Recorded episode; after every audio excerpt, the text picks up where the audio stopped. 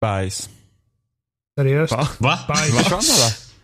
Vad hände? Oj, har jag så... Vänta, jag måste uppdatera min klocka. Det var 0-0 för mig. Typ. Ja. Jesus. Ja, vänta nu då. Vad, Vad hände? vad, vad, vad pinsamt.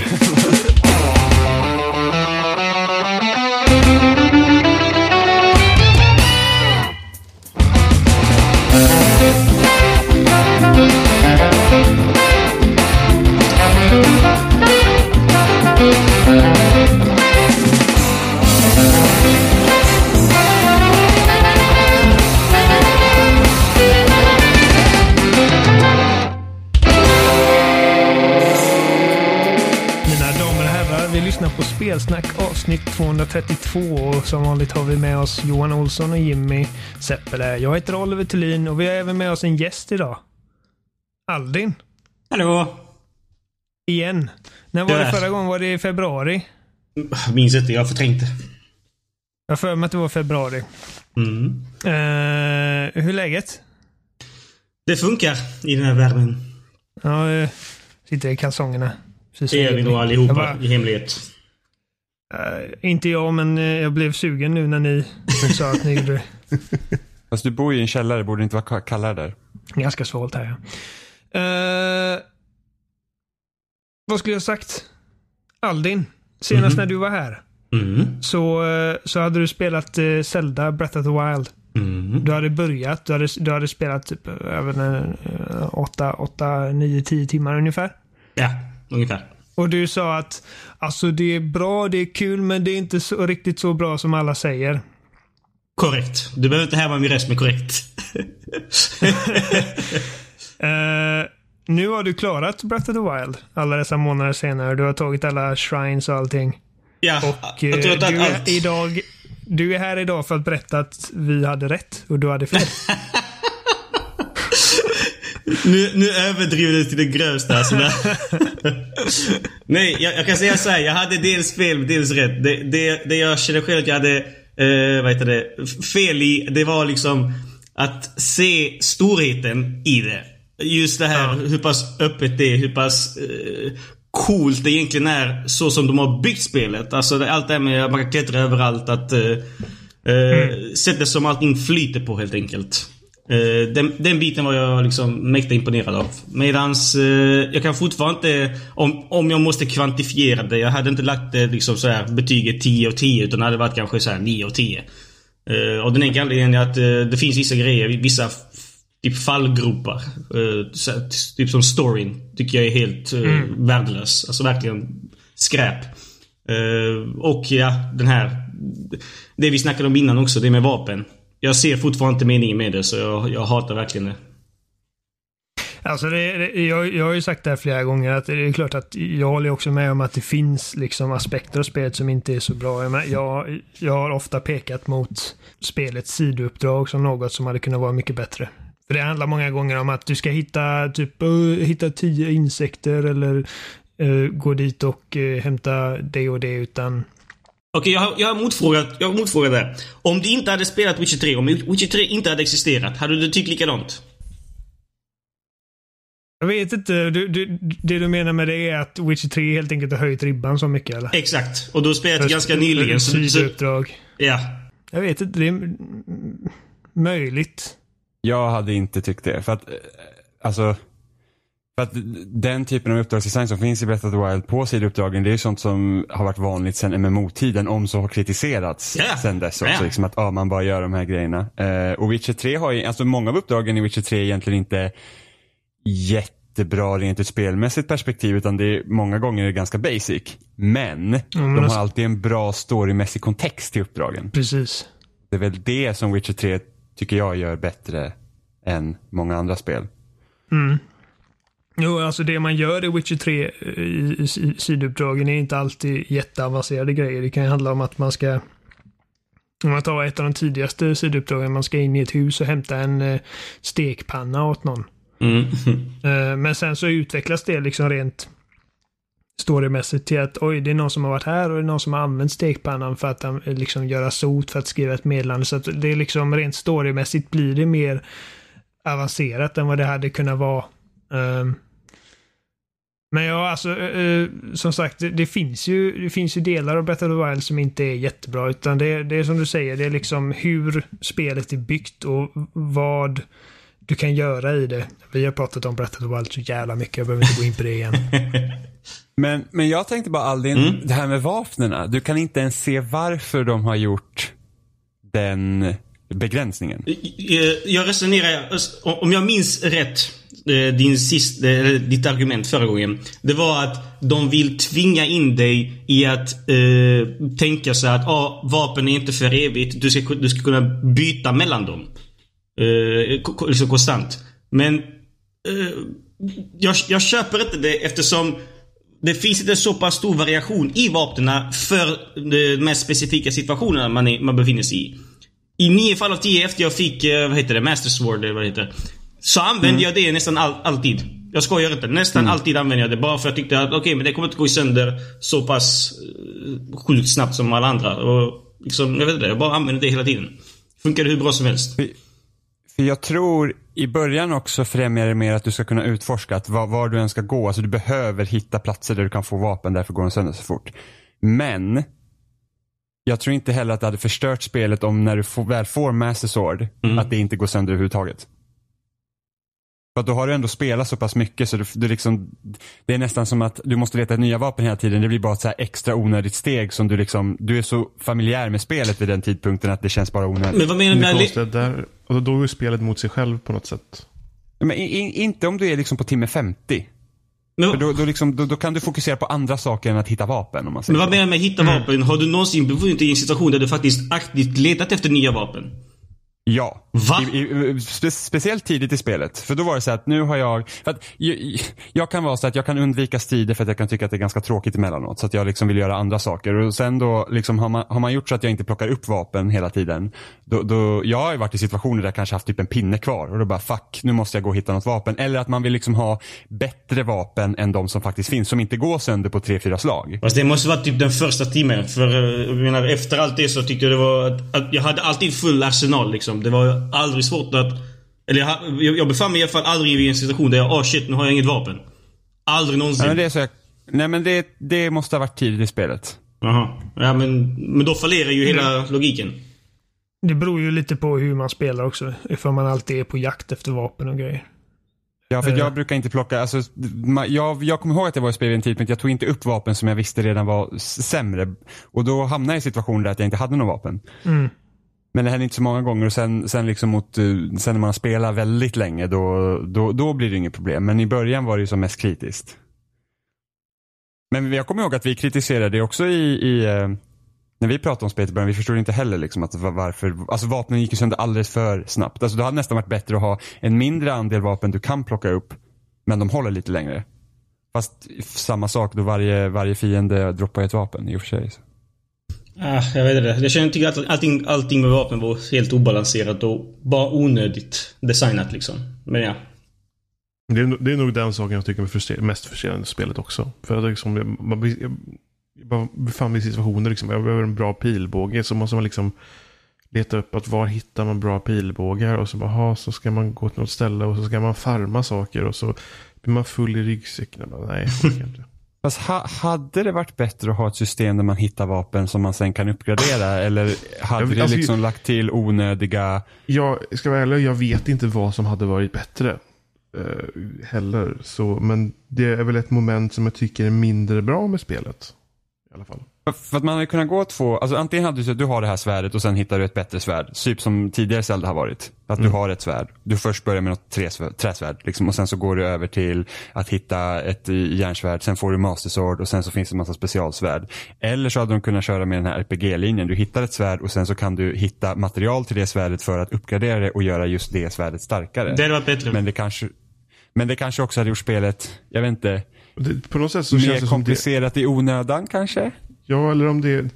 Jag förstår på något sätt hur det här systemet som är att det passar in med den här öppna världen där, liksom, där allt är så öppet och det finns massa olika vapen. Man byter runt och att vapensystemet är öppet precis som världen är öppen.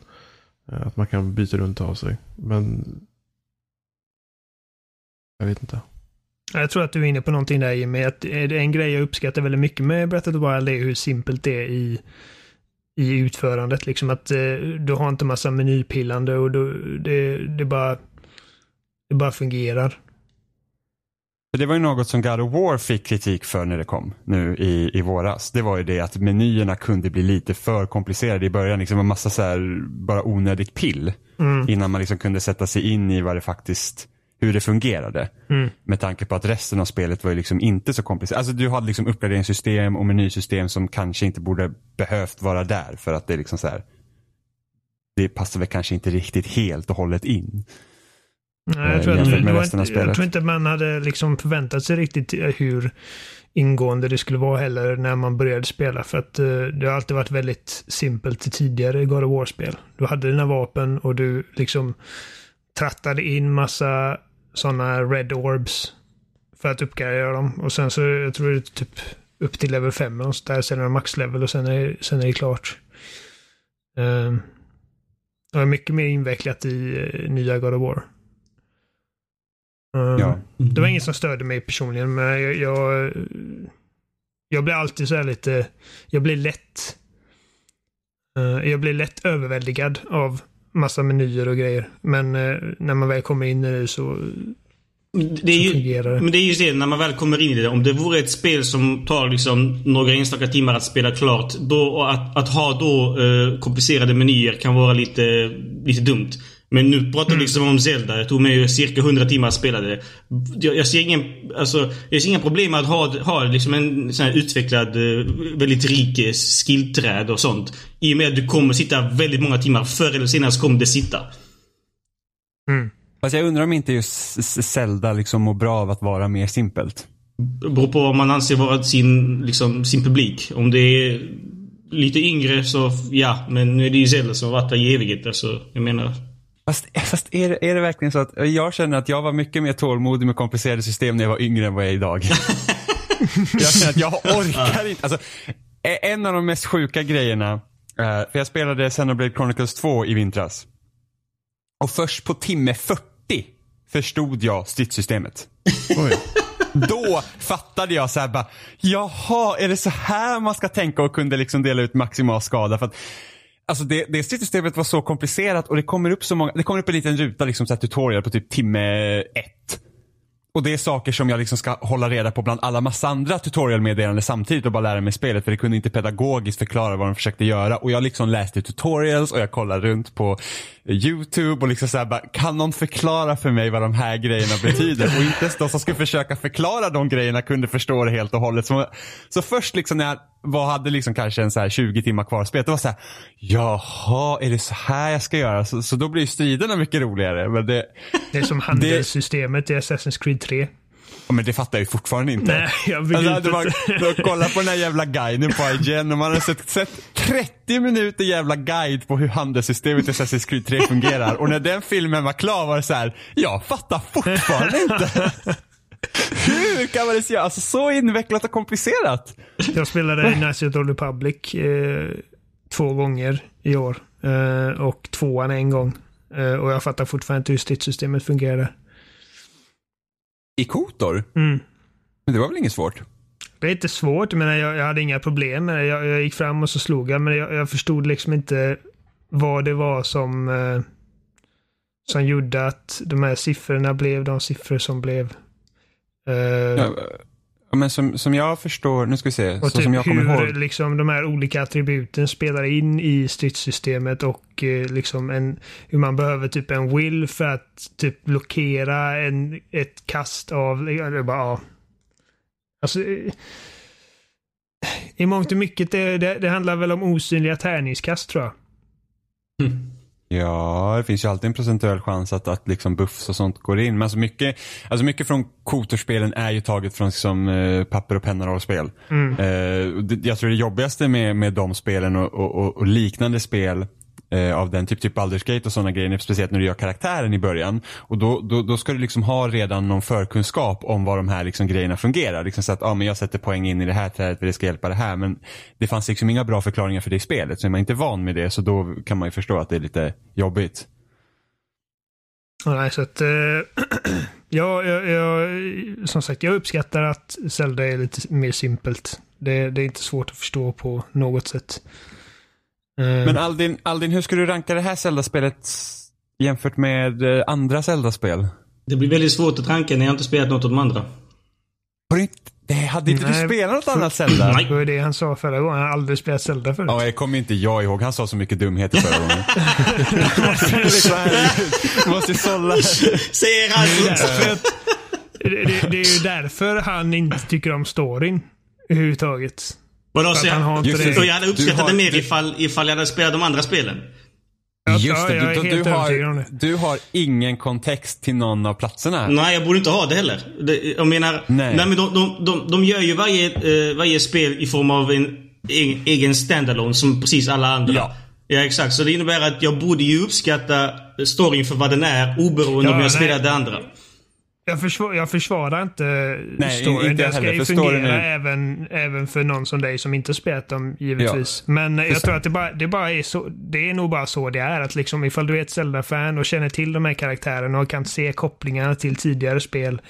Men Så då- blir det bara mer njutbart. Men, men då spelar de bara på era liksom, nostalgikänslor och ingenting annat. Inte på ren men liksom, kvalitet. Ja, men nu, pratar, nu pratar jag inte om storyn i sig, utan jag pratar bara typ när, man, när du ser ett namn på kartan och sen så åh det där känner jag igen från tidigare Zelda och så kan man gå dit och då vet man, för, att- för, att så gjorde jag. Jag tittar på kartan och bara, där är ett namn jag känner igen och så bara, hmm, undrar vad som finns där. Och så gick jag dit och sen så kanske det fanns någon skatt eller något, eller någon koppling till tidigare spel. Liksom, en sån grej kan ju Alltså, det är bara en kul grej för mig när jag ska utforska. Det kan ge mig liksom riktningar. Men har man ingen kontext till namnen då, då vet man liksom inte riktigt kanske vad man ska kolla efter. Men jag håller med om att storyn är det svagaste i spelet. Och vilket Ja, är jävligt synd med tanke på att Skyward Sword gjorde ett jättebra jobb.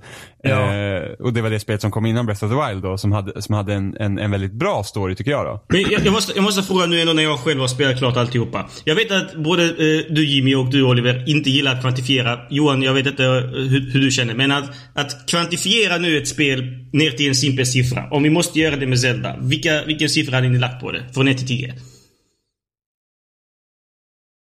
Eh, alltså, eller, alltså jag, jag hade... Nej, men alltså, jag har inte spelat Zelda sen jag klarade ut det liksom. Eh, Ja, det har inte ändrats så mycket tror jag. Så. Nej, nej, nej, precis. Men alltså, det är så att jag har inte, jag har inte gått, alltså, sen, liksom, sen jag spelade då, jag har inte gått tillbaks till det och liksom, och kollat på det igen om man säger så. Eh, men jag tror, så som jag kände då, känner jag att det, det är liksom så att det är ett av de bättre spelen jag har spelat. Någonsin? Ja. Herregud. Jag tror att, och, och inte bara det, för jag tror att det Jag tror mycket av det som, som, som Zelda Breath of the Wild gjorde är, är, är det jag verkligen gillar med spel.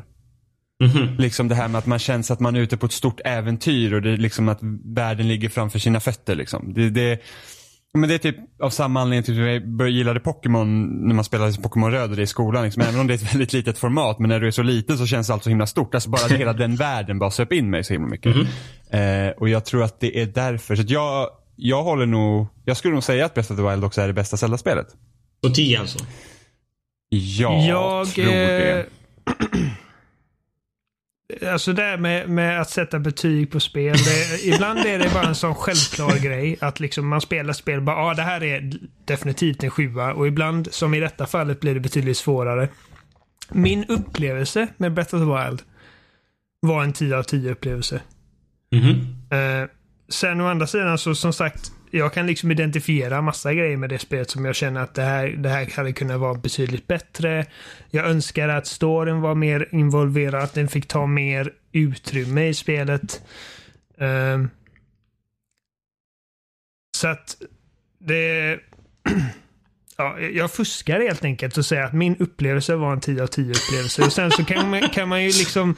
Då kan man ju säga det, ja men ifall din upplevelse var det, borde inte spelet liksom vara 10 av 10 då? Och det låter jag vara osagt för att det är så komplicerat det här med, spel, med betyg och skit. Så att... Eh, jag bara känner att det här, det här är, man får ju tänka på att så vitt jag vet är detta det första ordentligt, alltså riktiga open world-spelet som Nintendo har försökt göra.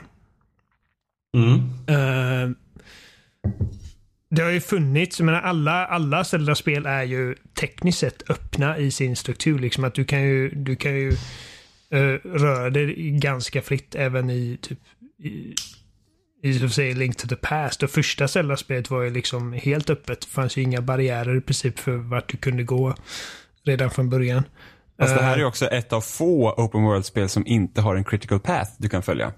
Det Precis. finns, ing, det finns liksom ingenting att den här vägen går du alltid för att klara spelet. Precis. Eh, så att det här spelet, liksom, om man tänker på ett rent designplan så är detta det första liksom, riktiga open world-spelet de har spelat. Och, eh, eller gjort.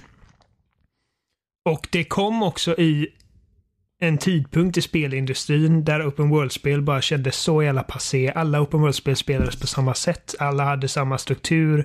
Eh, med undantag då från liksom de få spel Rockstar släppte. Och liksom CD Projekt Red, hur de gjorde. Och även... Eh, Då är, inte, då är inte Witcher 3 helt öppet heller. Nej, men alltså det, det är liksom... Om man tänker i sin... I sin liksom designfilosofi så är det liksom ett open world-spel. Gud, det var det Eh. längsta svaret på en kvantifieringsfråga. Vad tycker Johan? Ah, jag är inte ens färdig än. Vad fan? Jag har inte spelat... Jag, Eh, så, att, så att det kom ut under en tid där liksom open world-spel kändes gammalt och liksom passé och väldigt så här, ungefär som en shore. Och så lyckas de på sitt första försök i den här genren kringgå allt det där som alla andra utvecklare fastnar i och, och bara göra ett spel som är liksom det friaste spelet jag någonsin spelat. Du kan gå direkt till Ganon i början av spelet. Och klara honom.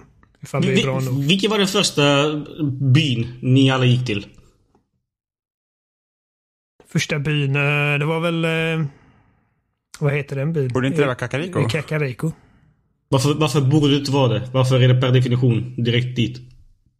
Jag tror det var De inte leder- dit som, de leder var inte dit som storyn ledde dit än va? Ja, kanske första uppdraget, ja. Där där Impa är. Ja, ja. Ja. Mm. ja Okej. Men jag tror det var bara ren... Det känns som att det var lite OP att komma dit liksom först. Men ja, kanske var jag som spelade Nej, konstigt. jag, jag kommer inte ihåg. Det, det, är den, det är den byn jag vet att jag gick till tidigt. Sen så hittade jag ju liksom typ nedbrända byar och sånt antar jag. Liksom. Ehm. Men ja, just det här liksom att du kan klättra på precis vad som helst. Så det finns bokstavligen inga barriärer i hela, i hela det spelet. Mm. Ehm, man, säger, man har ju sagt det ända sedan liksom open world-genren skapades. Liksom att oh, ifall du ser något i horisonten kan du gå dit. Men liksom, det har alltid funnits begränsningar och det gör det inte i det här spelet. Ehm, på samma sätt. Det är klart att du kan ju inte gå utanför out of bounds för en karta, men, men ni förstår vad jag menar. Ja. Så Johan. jag har inte spelat klart spelet. Än. Mm. Men eh, så det blir liksom svårt. Och sen tycker jag det är svårt att sätta siffror på saker överhuvudtaget. För det, det, det Mm. är så svårt. Nej men det, det blir ju lätt att om man känner att mm, spelet inte är perfekt. Och så sänker man det till kanske typ 9 av 10, så här på 10 av 10. Eh, men då känns det som att många spel ska hamna bara på typ så här 8 till 10. På 10-gradig skala. Eh, Precis som spelen gör idag. ja, precis. Bra Men, Johan. jag, men jag, jag skulle väl tro att jag skulle väl hamna där någonstans för att på, på det jag har spelat. Jag har väl tagit en Divine Beast och håller på på en andra typ. Eh, Vilken av dem har du tagit? jag har tagit Elefanten. Ja. Och håller på med eh, vad är det? Salamandern, ödlan. Mm. What? Eh, Det var den sista jag tog ut. Jag tyckte den var svårast. ja, jo, Ah. det, det är med. Ja. Det, Kamelen är svårast. Ja, hade man inte haft Rivalis Gale på den jävla kamelen, då hade det varit en jävla pina att ta sig igenom den. Ja. ja, vilken, men, eh, vilken eh, ordning gjorde du aldrig? Uh, ska se. Elefanten. eh, vad heter den? Uh, fågeln. eh, och sen eh, kamelen och sen salamandern. Kamelen och... Jag körde, jag körde elefanten, salamandern, fågeln och kamelen. för mig så kändes det typ naturligt på sättet att jag blev ledd till eh, till Salamander, eller liksom berget. Mm, Mm. jag kände också det. Jo. Jag gick till faktiskt till kamelen, eller till ökenområdet efter första. Men fienderna där var så svåra så att jag eh, fick lov att backa av. Men, på, Jag hade inte tillräckligt bra vapen för att kunna vara där. men hur fan tog ni liksom, när det gäller salamandern, om, om det var liksom det andra ni kom till. Hur, hur tog ni er upp för berget? För att det var det jag hade problem med. Jag ville inte köpa jävla massa sådana här fire elixirs och sen klättra upp med det. Utan jag vill liksom bara... Nej men jag ska, ha- jag ska ha hela jag, liksom... köpt, jag köpte... Jag köpte Fire Elixir. Nej, eller vad fick jag några? Nej, jag fick några för jag hjälpte någon. Ja, mot tjejerna. Jag fick några och sen så tog jag sådana här fireproof lizards och gjorde egna elixirs och grejer. Och sen så när man kommer till Goronbyn där så kan man ju köpa dräkt som gör att man inte behöver oroa Ja, sig. just det. Och jag, jag hjälpte någon där sen också så jag fick en del av dräkten. Så Ja, jag vill just inte köpa hela dräkten heller. Jo, men sen måste man skaffa hela vad heter, outfiten. Och då måste man ju fortfarande ha elixirs. Medan man gör de uppdragen. Och jag för mig att det gick så rätt så smidigt. Ja. Ja, jag gjorde, jag, för jag kommer ihåg det att när jag började gå mot det här eh, berget och då visste inte jag att det fanns en fire elixir. Så jag bara, det måste ju finnas en brygd som gör att jag kan tåla uh, hetta liksom. Så att jag började, jag, jag började jag leta. någon gubbe som berättade för mig. För jag började ju utforska världen då och liksom leta vad behöver jag ha för och sen så började jag liksom testa och göra de här olika eh, liksom brygderna för att se vad som funkar. Mm. Så, att, så att det, liksom, det blir som ett miniuppdrag för mig själv som jag skapade det. Att nu behöver jag ha det här och då måste jag leta om det faktiskt finns att göra. Det är också en grej jag älskar med spelet. Är att ifall du, ifall du kan liksom föreställa dig att du kan göra det så kan du oftast göra det. Det gjorde Astroneer skitbra när jag och Robin spelade nu tidigare, eh, för några veckor sedan. Det var liksom så här typ att när vi var på vår planet och sen så bara hmm, vi bygger en bil och sen tänkte jag undrar om bilen kan gå liksom på så här solceller och så kunde man liksom placera ut den så bara ah, det funkar så man kan skapa ganska roliga fordon och, och, och sånt på dem. Så, så det är en jätterolig grej i spel. Ja, aldrig, men eh, du har väl det om Zelda? Ja. Har du någonting ja. annat att tillägga? Eh, nej, egentligen inte. Det är liksom kort och koncist. Det är ett alltså fantastiskt spel. Det går inte att komma ifrån att det är ett fenomenalt spel på många, många, många, många sätt. Men jag skulle inte klassifiera det som ett mästerverk. Nej, och det, det är fine by me. Mm. Så, så vilket spel vilket spel var det liksom blir ditt nästa projekt på switchen då? Eh, Jag har redan börjat spela på Mario Rabbids. Åh gud vad bra! Det är så bra! Det är bra men det, tycker- det vad- finns flera grejer redan nu som jag är äcklad av. Ja, ja gud ja. Alltså det, alltså det spelet är, är rätt så... Alltså det, fan, jag har inte spelat typ på nästan ett år nu och där jag är så är det rätt så svårt när man liksom inte har spelat på ett tag. Så att, så att det, Jag har runt 70% av allt som jag gjort. Alltså plockat alla grejer. Runt 70% i alla fall. Så det, jag, är, jag tror jag är på slutet av typ tredje världen och något sånt och där börjar det bli ganska knepigt. Kan du snälla förklara en grej för mig? Till mig? Jag vet inte, det är Ubisoft som gjort det va? I samarbete med Nintendo. Jag vet inte hur det hänger ihop. Ja. ja Okej då. Ja. Men, men själva core, eh, eh, liksom spelmekaniken är Ubisoft. Ja. Okej. Hur i helvete kan de ha skapat, vad är det, åtta eller någonting sånt hjältar. Där allihopa har, alla har eh, fyra skillträd så att säga. Varav två av dem är identiska med, alla har två skillträd som är exakt likadana. Och flera av dem, typ två hjältar per, eller dubbletter av alla hjältar, har eh, en skill som liknar den andra skill. Jag vet inte. Det är så, för mig är det så dumt, det är så korkat. Jag undrar om inte det också är gjort så här för att det ska typ vara enkelt. Du ska typ mer kunna välja lite hur, hur karaktärerna ser ut Jo, snarare än vad de gör. Men det finns ingen anledning till att byta mellan hjältarna då. Nej, alltså jag, jag tror jag fortfarande kör med typ standardteam. Jag tror jag kör Mario, Luigi, Rabbid, Peach och Rabbid. Vad fan körde jag? Många har fyra har? Det är ju tre väl? Så, har man bara tre åt gången? Var det fyra? nej, tre. Det kanske bara är tre. Ja, men då är det Rabbid, Peach och sen så Mario Luigi tror jag kör med. Eller om det är Mario, Rabbid, Luigi och Rabbid Peach. Jag kommer inte ihåg. Nej, alltså jag gillar många grejer men där, de har liksom... Det är så handikappat vissa grejer. Och deras laddningstider är Ja. också såna idiotiska grejer som att man... När man går in i en sån här blå kanon. eh, när man kommer till en liten mini-pussel. Och när man klarar Ja. den. Istället för att man skickas tillbaka till världen så vill de att man ändå går till den jävla kanonen och skickas tillbaka liksom, till banan igen. Så jävla onödig grej. Du, du kan ju inte göra någonting du är där fast. Ah, nej. Ja, och vissa saker är dumma. När man, när man sparar spelet också så hamnar man i Peach Castle och inte där man faktiskt sparade. Så måste man bara gå hela vägen tillbaka in till den andra världen. Också så, va- varför? Men annars är det kul eller? ja, ja, det, det, vissa tycker det är lite för lätt. eh, men uh, vissa challenges ska vara rätt roliga. Ja, alltså det är inte lika svårt. Jag kommer ihåg när det kom ut och folk bara det här är så jävla svårt. Det är typ XCOM nivåer. Man bara okej för men så svårt är det Nej, liksom det är inte. alls. ja men det är ju när lite- Wolfenstein 2 kom ut och alla bara det är så jävla svårt. Ja, det är också så. Alltså, Wolfenstein 2 kan vara lite knä... Alltså, jag tror problemet med Wolfenstein 2 är att där har du faktiskt ett FPS på typ flera år där du faktiskt inte bara kan springa in och skjuta allt. och sen vara klar utan du dör ganska fort. Eh, och sen tror jag också problemet med Wolfenstein 2 är det att i ettan så kunde du smyga runt och de har säkert många Alltså du kunde smyga bättre i ettan. Och, de har Ja, många av de system, ettan, och fall. många av de systemen finns ju kvar men de har liksom minskat ner på smygandet i tvåan vilket också är lite tråkigt. Jag spelade om det nyligen och jag insåg nu, alltså mot slutet av andra genomspelningen, att man kan skjuta sönder larm. Vilket, vilket spel? Wolfenstein 2. Ja, men det går ju. Jag hade ingen aning. Jaha. Jag lärde mig massa nya grejer. Det gick mycket bättre att smyga efter det. Mm. Början i Wolfenstein 2 är så himla bra. Ja, det. Det är typ, efter, efter, efter the turning point så blir det spelet faktiskt ganska mediokert, vilket är jättesynd. Jag håller inte med. Nej, Jag tycker det spelet är bra hela vägen, men det, det är be betydligt bättre. det, det, det, Första det tapp- Med tanke på hur intressant Blaskovic är som karaktär så tappar spelet all moment. Alltså de, de bara droppar allt som hade kunnat liksom blivit intressant efter liksom den stora händelsen i det spelet. Då blir det så här, man bara såhär, oh my god, vad kommer hända nu? Och sen så bara, ah nu är det typ bara en shooter. Det, det blev verkligen så här, jaha, vad, vad, vad synd. Med tanke på vad spelet är. Alltså hur hans karaktär hanteras i början av spelet så borde den händelsen ha mycket större inverkan på honom. Ja, men eh, det är en annan diskussion. Jimmy, Ja. eh, du har spelat eh, näs- nästa stora uppdatering till No Man's Sky på Xbox One X.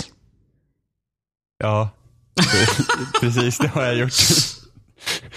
Eh, ja, så att eh, No Man's Sky har släppts igen. Och eh, jag passade på att köpa det igen på en ny plattform för att helt enkelt börja om. Mm. Eh, och Alltså jag, jag tyckte ju om No Man's Sky innan också. Så att det, det är liksom inte som att jag bara åh fy fan vad spelet suger som, som eh, många andra liksom har gjort. Jag, jag tyckte om No Man's Sky. Det var ju ett spel som absolut hade sina problem. Och just det att jag var typ Alltså min st- stora grej med varför jag var intresserad från No Man's Sky tidigare var det att de sålde in det som att ah, du ska utforska ett, en galax. Ja. Eh. Alltså, problemet med spelet var inte så mycket om vad som fanns i spelet utan snarare vad som inte fanns i spelet efter att de har liksom pratat upp det. Ja, Fast jag skulle säga att de två hänger väl ganska bra ihop. Nej, men jag tror att ifall de, ifall de inte hade sagt att spelet skulle kunna göra grejer som det i slutändan inte gjorde så, så hade ju inte... Nej, så hade det inte blivit lika stor backlash, absolut. Nej. Ehm, men så, så att för mig var det känns liksom så det här som att, ett nytt spel nej, nu? eller nej, liksom? nej, alltså det är ju No Man's Sky. Alltså tyckte du inte om No Man's Sky innan den här uppdateringen så lär du inte tycka om No Man's Sky nu heller. Men äh, säger de inte det- det med multiplayer att det liksom höjer det till nya nivåer? Alltså, Har du testat multiplayer? ja. Du har kört med Robin och Ja, eh, Emma? Ja, ja precis. Eh, så känslan i No Man's Sky just nu när man spelar tillsammans med andra är väldigt lik den som finns i Sea of Thieves. Alltså det, det, det är väldigt liksom så här. Det är ganska nice att kunna liksom vara på en planet och springa runt och göra lite olika saker tillsammans. Hur många är max? Även om det är... eh, Vad sa du för Hur, någonting? hur många är max som kan vara med i... Fy, fyr, fyra. Och Okej. sen tror jag man kan vara 16 stycken totalt på en och samma liksom instans om man säger Server, så. Men, men vi har ju liksom inte sett någon annan vi har inte sett några andra personer än. För att alltså, Mhm. galaxen är så pass stor så att träffa på någon annan människa kommer ju liksom vara svårt. Men har det framkommit nu att det, att det har hänt? Eh, Så att, Att folk har sett varandra? Ja, så, så, att de, så att de inte liksom ljuger om det också. jag, jag vet inte för att, för att eh, innan, den, in, innan den här uppdateringen så, så, så kunde man ju se andra spelare i form av typ ljusorber. Och jag vet inte om det är kvar. Om det är så man ser liksom andra människor. Men de har ju samtidigt pratat om att du kan ju liksom hitta en annan spelare och välja antingen att göra någonting tillsammans eller typ skjuta den om du så vill. Det skulle chocka mig om de ljuger om detta nu. För jag tror att de har lärt sig sin läxa att inte liksom säga för mycket. Jo, men det är en sån här grej som att de kan dölja det i och med att, att uh, chansen att du stöter på någon är så pass låg att, att liksom, de bara kan säga ja men du har inte stött på någon så att... Jag vet, och det var så de resonerade när spelet släpptes första gången. Och då visade det sig typ en dag efter att det hade släppts så var det någon som, Samma som kväll. hade liksom... Samma kväll, ja. Ja. Så hade ju liksom två spelare då lyckats befinna sig på samma plats samtidigt och märkt att vi ser inte varandra. Mhm. Och det räknar de inte med. Att liksom Det här är typ en kvantil, kvantiljon miljarders triljarders planeter och två spelare lyckades vara på samma plats första kvällen. Ja. Oj då, Nej, det- där kom det ut. Ja, så att, Så att men, jag tror inte de ljuger nu. men, men samtidigt så finns det ju inget sätt riktigt att, att spela tillsammans. Det finns ju typ, det ska finnas co-op mission som inte jag har testat, så man typ har samma objektivs. Men nu när vi har liksom kört då tutorialen eller vad som helst så är det inte så att jag gör en grej och då måste liksom alla personer måste göra samma sak. Det är liksom inte som att jag kan göra den och sen så är det objektivet klart och så går vi alla vidare utan alla måste hela tiden göra det. Så att man spelar tillsammans i den mån att vi befinner oss på samma plats men, vi, men man spelar ändå var för sig i princip. Men, okej. men, men det gör inte så mycket. Alltså det, det är bara trevligt liksom att kunna eh, liksom spela tillsammans på det sättet och sen kan man ju bygga baser och sånt tillsammans. Eh, Hur fungerar basbyggandet? Är det, är det som i Fallout 4 eller är det liksom bra? det fungerar mycket bättre än i Fallout 4. Okej, bra. Jag har inte byggt så mycket baser. För, för som sagt, det här är liksom lite min gripe med spelet, alltså med de uppdateringar de har lagt. För att jag, jag vill ha ett spel där jag får utforska galaxen medan deras uppdatering som de har lagt är ju så här att nu stannar du kvar på en planet. Och planeterna Ja. i sig är ju inte tillräckligt intressanta för att du vill vara kvar på en planet jättemycket. Men de har ju samtidigt lagt, eftersom spelet är egentligen en resurshanteringssimulator. Det är ju det är liksom det du. Du behöver resurser för att eh, fuela ditt skepp, du behöver resurser för att uppgradera dig, du behöver resurser att sälja för att kunna, för att kunna tjäna pengar och kunna köpa mer skepp. Och så nu kan du köpa så här stora fraktfartyg också så du kan ha, du kan ha en hel armada med flotta som du kan skicka ut på uppdrag. Och de här grejerna har inte jag gjort än, jag har liksom inte hunnit. Eh, så, så att, men, men det blir liksom att samla resurser har en mycket större mening nu än vad det hade tidigare. För då var det verkligen bara så att du går och minar plutonium för att det är det du behöver och sen ska du bara hoppa framåt hela tiden. Det var liksom spelet. Ja, för att alltså, poängen med spelet är att du ska liksom upptäcka så många planeter som möjligt och komma till universums mitt. Och då känns men- det som att basbyggande är ganska kontraproduktivt. Ja, fast det, jag skulle säga att det är inte så stor del av spelet längre. Det finns fortfarande där men det är absolut inte vad, egentligen vad som driver dig framåt. Ja, okej. Att komma till mitten och sen mitten var helt, alltså att komma till mitten var också helt värdelöst för det spanar bara en ny galax. Liksom. Okej, ja, men låt mig rephrasa då. Ett spel där man har massa olika planeter som går ut på att liksom utforska universumet. Basbyggande är ganska kontraproduktivt mot det. Ja, men det var ju så jag kände. Eh, och det var ju det spelet jag ville ha, att just utforska galaxen. Och, då, var, och, då, och då, då vet jag som vi pratade om innan då spelet släpptes från första början var det så att ja, risken finns att det här blir jävligt tråkigt. Och No Man's Sky många gånger var jävligt tråkigt och ibland var det helt fantastiskt. Eh, spelet kan vara rätt så tråkigt nu också. För att det är fortfarande No Man's Sky. Liksom man bara säger, okej men nu ska jag göra den här grejen och det här är inte det roligaste jag gjort liksom hela tiden. Men det finns så mycket mer att göra där hela tiden. Och sen där, nu har du flera olika blueprints och de har liksom gjort det mycket lättare att se vad du behöver för att kunna göra saker, hur du kan uppgradera dina, liksom, ditt multitool som du gräver och skjuter saker med eller din exosuit. Så de har liksom lagt till flera slott. Så nu har du inte bara ett inventory som det var tidigare utan nu också så här, du har ett du har ett teknologiområde på din ryggsäck och där kan du installera uppgraderingar till dig. Eh, du har ett teknologiområde på ditt skepp där du kan installera nya uppdateringar samtidigt som du har ditt inventory. Så att du har ju fått mycket mer plats att leka med. Är inventoriet lika jobbigt att hantera som det var förut? Det är mycket lättare nu, men det är inte optimalt. Liksom. Det, Ja, okej. det, det, det ser väldigt mycket ut som Destinys inventory. Eh, nu har du också snabbmenyer, så nu behöver du liksom inte gå in i ditt inventory för att liksom sätta i fuel i ditt skepp. Liksom. Utan Mm. du, du trycker ner på D-paden och så får du upp en meny. Sitter du i skeppet och får liksom upp din skeppsmeny typ och så kan du bara trycka så här refuel. Så, så tar den de resurserna du har på dig, om du har på dig, det som du behöver för att fuela om. Så, att, så att det är mycket så här quality of life uppdateringar som har gjort allt så mycket simplare som gör att det inte känns lika jobbigt att göra saker. Okej. Ehm, Hur eh, påverkar tredjepersonsperspektivet upplevelsen? Eh, jag kör mestadels i första person, i alla fall när jag liksom styr min gubbe för att jag tycker det är lättare att sikta på, på saker. Liksom att, att, att, att tredjepersonskameran är något för nära karaktären känner jag och att kameran fortfarande typ-ish fungerar som första persons kamera. för att den är väldigt petig med vart den här lilla eh, pricken är Mm eh, på, på, som, som när du ska liksom mina saker. Så det, det är lätt att när du ser perspektivet från gubben och den pricken att de inte överensstämmer alltid så du kan, du missar ofta när du ska mina. Liksom. Bara, ah, Okej, jag är inte riktigt korrekt. Liksom. Eh, så jag föredrar att spela i första persons perspektivet men när man flyger så är det jävligt nice att köra i tredje person. Är det lätt att byta perspektiv? Det, det tog mig ett tag att hitta hur man faktiskt gjorde det. För att man tänker typ i, i andra spel så är det typ en knapp man trycker Ja. på. Man så här, är en knapp där man bara switchar typ LB eller vad som helst. Så var det inte innan man ska vara, för man börjar i tredje person nu och jag var så här, vad fan är mitt första personsläge? Nej, då måste man trycka ner för att få upp sin lilla menyn. Sen måste man gå längst till vänster på utilities, trycka in på den och där kan man byta till första personsperspektivet. Och ingenstans nej. säger spelet hur du gör det. Det var så jag stod, jag bara, hur fan byter man? Det hade varit så jävla nice till Xbox-versioner för man kunde mappa det till en av paddlarna på något sätt. Nej, så, så enkelt kan man inte ens få det. Mm, nej. nej, jag antar det för att du kan ju inte liksom eh, koppla ett menykommando till en av paddlarna. Det måste vara ett knapptryck. Ja, oh, gud. Tänk, tänk om man hade kunnat droppa ett menykommando till elitkontrollen och sen köra ett fightingspel. Bara superkombon liksom. Ja. Men betyder det att du faktiskt tycker om det? Vad sa du någonting Ali? Betyder det nu att du faktiskt tycker om det? Innan var det Jag väl tyckte så? om det innan också. Jaha, ja, okej. Eh, frågan är bara om jag kommer liksom... eh, Frågan är hur länge jag kommer spela den här. Jag spelade typ 50 timmar i förra versionen och, och frågan är om hur, hur mycket jag kommer spela den nu. För att det är så här att jag, jag vill ju testa alla de här nya sakerna men samtidigt så här. Ja, alltså till slut kommer vi komma till den punkten vad är liksom meningen. För det var samma sak med Astroneers. Astroneers handlar bara om så här, utveckla teknologin, testa teknologin och sen bara vad, vad gör jag med allt det här? Och det finns ju liksom ingenting att göra. Och här blir det så, ja jag kan bygga baser och så. Och jag kan liksom tjäna mer pengar men i slutändan så kommer det bli till slut att varför egentligen? För att är, om man jämför till exempel med Minecraft som också är liksom likt de här två spelen. Så Minecraft har ju den fördelen med att det, det det är den här kreativiteten i att du, liksom, du kan bygga vad du vill eftersom det är liksom baserat kring de här blocken.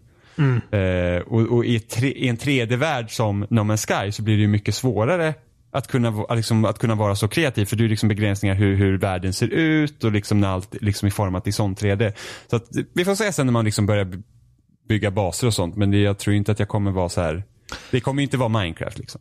Det låter alltså... Nu lägger jag ord i munnen på det, men det låter som att du inte hade rekommenderat detta till någon som inte gillade det första gången.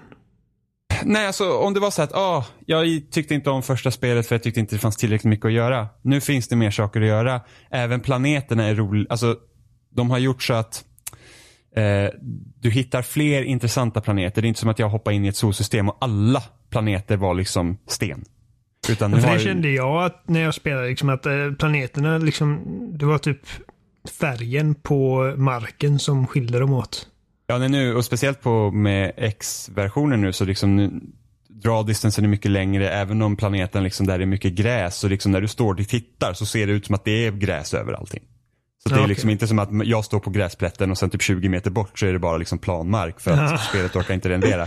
Så att det ser ju mycket bättre ut och, och även planeterna, de har ju ändrat algoritmerna nu så de, även planeterna ser intressantare ut men fortfarande när du landar på en planet så vet du att det är den här biomen som omger hela planeten. Så de har ju inte flera olika biomer, vad jag har sett Ja, det är synd. än i, i, i, på planet. Så det är inte så att jag kan komma Ja, till en det kunde planet. vara så jävla coolt ifall det var typ, för man, ja, på den här sidan är det sommar och på den här sidan är det vinter.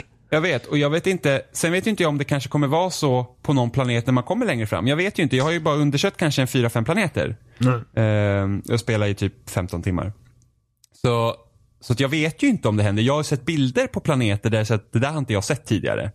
Eh, som, som ser liksom helt spacade ut. Och det var ju något de sa liksom i, i, till förra versionen också. Var det att ah, men ju, läng, ju läng, närmare mitten du kommer så kommer ju planeterna se helt konstiga ut. Även om så långt som jag kom så var det liksom ingen större skillnad.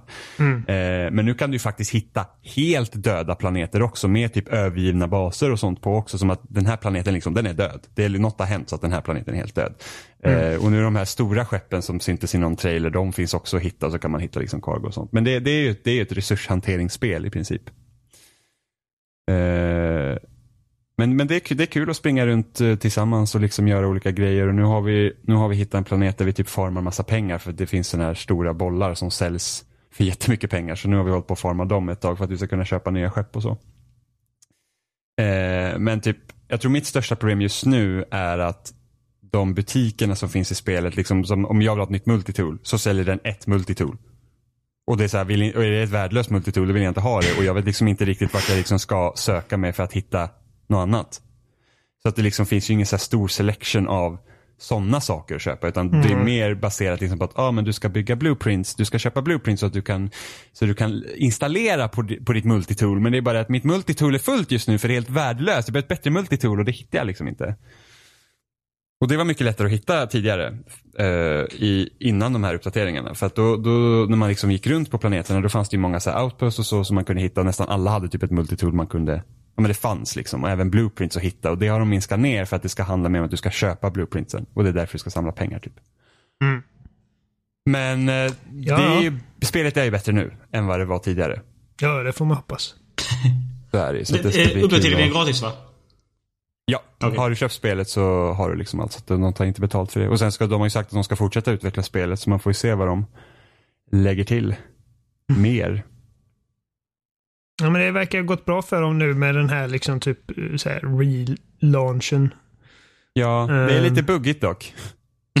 Ja, okej. Ja, det är så här, Ro- Robin har haft problem med typ att jag byggde en jag byggde en signal booster som man behövde göra för ett uppdrag. Och jag sa ju det att, liksom att uppdragen, vi gör ju inte samma uppdrag. Men av någon anledning reg- registrerar hans spel som att ah, det finns en signal booster nära er. Så att nu har du byggt den. Så han fick inte en blueprint för det. Typ sådana grejer. Och sen så vi, jag besökte en NPC-freighter och skulle ta ett uppdrag av den och jag slungades iväg ut i rymden och dog. och bara såhär, ja där var allt mitt inventory, fuck liksom. Talk to the Eh. hand, sa han. Ja men det var verkligen så här, jag bara såhär, ja men det här uppdraget ska jag ta och bara sköts rätt upp i luften ut i rymden och dog och bara såhär, jaha. Ja, det, det var det. Det har varit en upplevelse. Ja men ja, det, jag fattar hur rädd man har varit. Mm. Frighten försvinner och man bara. Ja, det, det är No Man's Sky Next. mm. Men det känns Eh. så, ja många säger typ att det här känns som No Man's Sky 2. Det håller jag väl inte riktigt med om. Även om det är en stor Det uppdatering. är inte vad jag har hört. Nej, jag hade nog varit ganska besviken om det hade varit No Man's Sky 2 och bara såhär, oh, det är typ samma sak. Ja. Något som irriterar mig något oändligt dock, och det här känns som världens sämsta skämt, det är att alla achievements är ojämna. Nej, De, slu- jo, de slutar på 2, 6 el- eller 4. Nej fy Och bara så här, fan. helvete. Det var nog det absolut sämsta grejen att klaga på i ett spel. Nej, det är Alltså, vidrigt verkligen det sämsta nej, du kan klaga det på. Finns ingen, nej, det finns ingen anledning. Alltså, kan... När man börjar, nej, nej, nej, nej. När man börjar med achievements och typ 99,9% av alla utvecklare slutar sina achievements på 0 eller 5. Ja. Då slutar man på 0 eller 5. Det finns ingen anledning att bryta det då så att det ser fint ut. Nej, då bara här, bara här, herp, derp. Jo, det, det, det kan vara lite sådär att de har tänkt till att det finns folk som du som vill ha det jämnt. Och så måste du klara Jaha, minst fem achievements för att du ska få den här nollan. Ja, jag kan tänka mig att det kanske hade fungerat för några år sedan. Men jag tror att de som verkligen, verkligen bryr sig om achievements, de, de köper inte spelet av den anledningen. Nej, vad fan Kosh. Ja, jo, men, jag, du, men jag, jag, jag, så här, alltså, jag, alltså, jag tycker att det är, så här, jag tycker inte om ojämna achievements, men det är att jag har inte tiden att bry mig om det, så det är som det är liksom. Ja, ja. Eh, men, men så går man in så här på typ trueachievements.com eller expoachievements.com och bara ah nej de har ju förstört det här spelet. Ingen kommer ju vilja köpa det här nu. Och man bara såhär, och man bara, men alltså, Men så- så- herregud, snacka om att leva liksom i sin egen lilla bubbla och så bara achievement is everything. Men alltså, så om, du, om du skrev en recension av spelet där du liksom eh, efter hela recensionen hade du börjat skriva en liten notis. Ja, om du gillar achievements, ge fan i det här spelet för ni kommer bli galna. Nej, det hade jag inte tagit upp. Men det, det var så här, det är skitstörigt. Man var så här, åh, varför gör ni så här? Det är liksom bara, ha, ha, hade, det varit, hade det varit från början med achievement-systemet att, att utvecklare liksom bara hade så här, ja men hur som helst med liksom nummer, det kan liksom vara vad som helst, bara att varje spel går upp till tusen. Då hade ingen brytt sig. Men när liksom man börjar med 0 eller 5 som slutsiffra, tycker jag att man borde fortsätta med det. Jag tycker Microsoft får- borde gå hårt här och bara så här, ni måste göra så här. Man får vara glad för att uh, achievementsen inte slutar på 1, 3, 7, 9. Nej, för fan. för du sa att det, det är fortfarande jämna antal. Alltså 2, Ja, men det, 4, ja precis, 6. för det ska ju gå Ja. upp till eh, tusen sen så. Ja, det, ja. Och Ja, en ja. achievement är att man ska klara, man ska komma till mitten i permadeath mode. Och det var så här, det kommer ta jättelång tid. Så var en kille, han bara, det tog mig 77 timmar att komma till mitten och man bara, mm, kul. Ja, ja. Eller någon annan som bara, jag dog efter 10 timmar och man bara, ja, det känns ju roligt. ja, ja. Väl spenderade eh, timmar. Då går vi eh, vidare till eh, nästa pryl på agendan. Jag fick en Mm. idé Mackapär. Eh, efter... eh, Så jag sa det, jag vet inte om jag sa det förra veckan eller om förra, förra veckan, men jag spelade om Batman-spelen nyligen. Eh, och jag spelade Arkham Knight och jag fick en idé för en tweet så jag skrev på Twitter bara hashtag unpopular gaming opinion så skrev jag att Batmobilen är inte så jävla hemsk som alla får den att låta som. Den är fan rolig att köra. Det är bara synd att det är så mycket skjuta på pansarvagnar. Att, ta, liksom, att ta sig runt i Gotham med den bilen är asroligt. Den känns bra och den är rolig och den används fiffigt i pussellösningen. Och då tänkte jag, jag ska göra detta till en eh, serie av tweets. Att varje gång jag kommer på någonting som kommer få folk att bli sura så ska jag skriva upp det här. Men så tänkte jag istället, varför, varför gör vi inte det här till ett samtalsämne på spelsnack istället? Så jag har bett er alla att eh, komma på tre stycken opopulära spelåsikter och ta med dem till podden idag. Så jag tänker att vi börjar, vi, vi kör liksom som en liten ring. Att vi, vi säger varsin och så går vi till nästa och sen så bla bla bla och så tills vi är färdiga. Så jag tycker att vi börjar med Aldin, gästen. Vad är din första? Uh, Okej okay då, jag drämmer till med en fet jävel. Uh, Ja. Jag har inga större problem med lootboxes. Punkt. Nej. Ja, Okej. Okej. Så- Överhuvudtaget eller? Nej, så här. Jag, jag, jag resonerar så här. Varenda gång jag läser, eller det finns en nyhet om lootboxes, oberoende vilket spel, så ser man av, låt oss säga 100 kommentarer, minst liksom så här 80 av dem kommer vara negativt inställda till lootboxes. Och jag, och jag förstår vart de kommer ifrån. När vissa spel, vissa spel, eh, implementerar lösningar som är direkt skadliga för spelupplevelsen. Som är, som är liksom direkt demoraliserande på så många sätt. Men sen finns det spel som har faktiskt använt lootboxes på ett bra sätt. På ett sätt som inte påverkar mitt sätt att spela på, eller för den delen någon annans. Men folk blir ändå sura för på den impl- implementationen. Och det jag syftar på mest är liksom eh, de två spelen jag har i huvudet just nu. Det är typ eh, Halo, eh, Halo vad är det, 5 och Overwatch. Där är det liksom... Ja, De spelen, de spelen har väl ingen klagostorm på sig eller? Jo, men alltså generellt bara för att det är lootboxes och bara, ja men varför har de inte kunnat liksom öppna upp det istället så att man faktiskt kan tjäna in eh, de här, vad heter det, eh, prylarna efter varje match. Eh, den, den typen av klagostorm kommer varenda gång. Det går, klicka, det går att klicka in sig på vilken nyhet som helst och, och läsa något, något sånt om att ja men de har lootboxes och därför jag kom, tycker inte jag om spelet. Bara per automatik. Man reflekterar inte över varför det ens existerar eller hur det fungerar i praktiken. Och det är en sån grej som jag, jag, jag begriper inte på varför man ska hata på lootboxes om det är implementerat på ett sätt som, alltså om det är korrekt. Som i ja, Overwatch och Halo. Ja, det, det, man får väl... eh, Var och en får stå för vad man tycker är liksom korrekta sättet att implementera lootboxes. Jag, jag håller med dig till viss del. Jag tycker att Halo och Overwatch är två spel där det har gjorts rätt bra. Ehm, för att i Halo uh, så det finns liksom utrymme för att ha mycket cosmetics och uh, sånt och Warzone med uh, alla vapen och grejer. Och det vi har fått i utbyte är att vi har sluppit så här map packs, vilket gör att alla banor alltid är aktuella för alla som spelar spelet. Och även om de inte har gjort liksom de har inte släppt nya banor och grejer till Halo 5 på ett bra tag nu, så det är ändå liksom att det, det, det har redan påverkat det spelet på ett positivt sätt. Mhm. Att hela communityt är liksom samlat och inte uppdelat. Och i Overwatch så får vi nya grejer hela tiden i Japp. princip. Nya hjältar, En sån sak med Gears of War. Oh, fuff, de är ju... Okej. Så här. Så här. Jag, jag vill bara säga. Så här. Jag har inget egentligen problem med lootboxes som de kan... Alltså typ som i Overwatch, du tjänar lootboxes varje gång du går in i en ny level.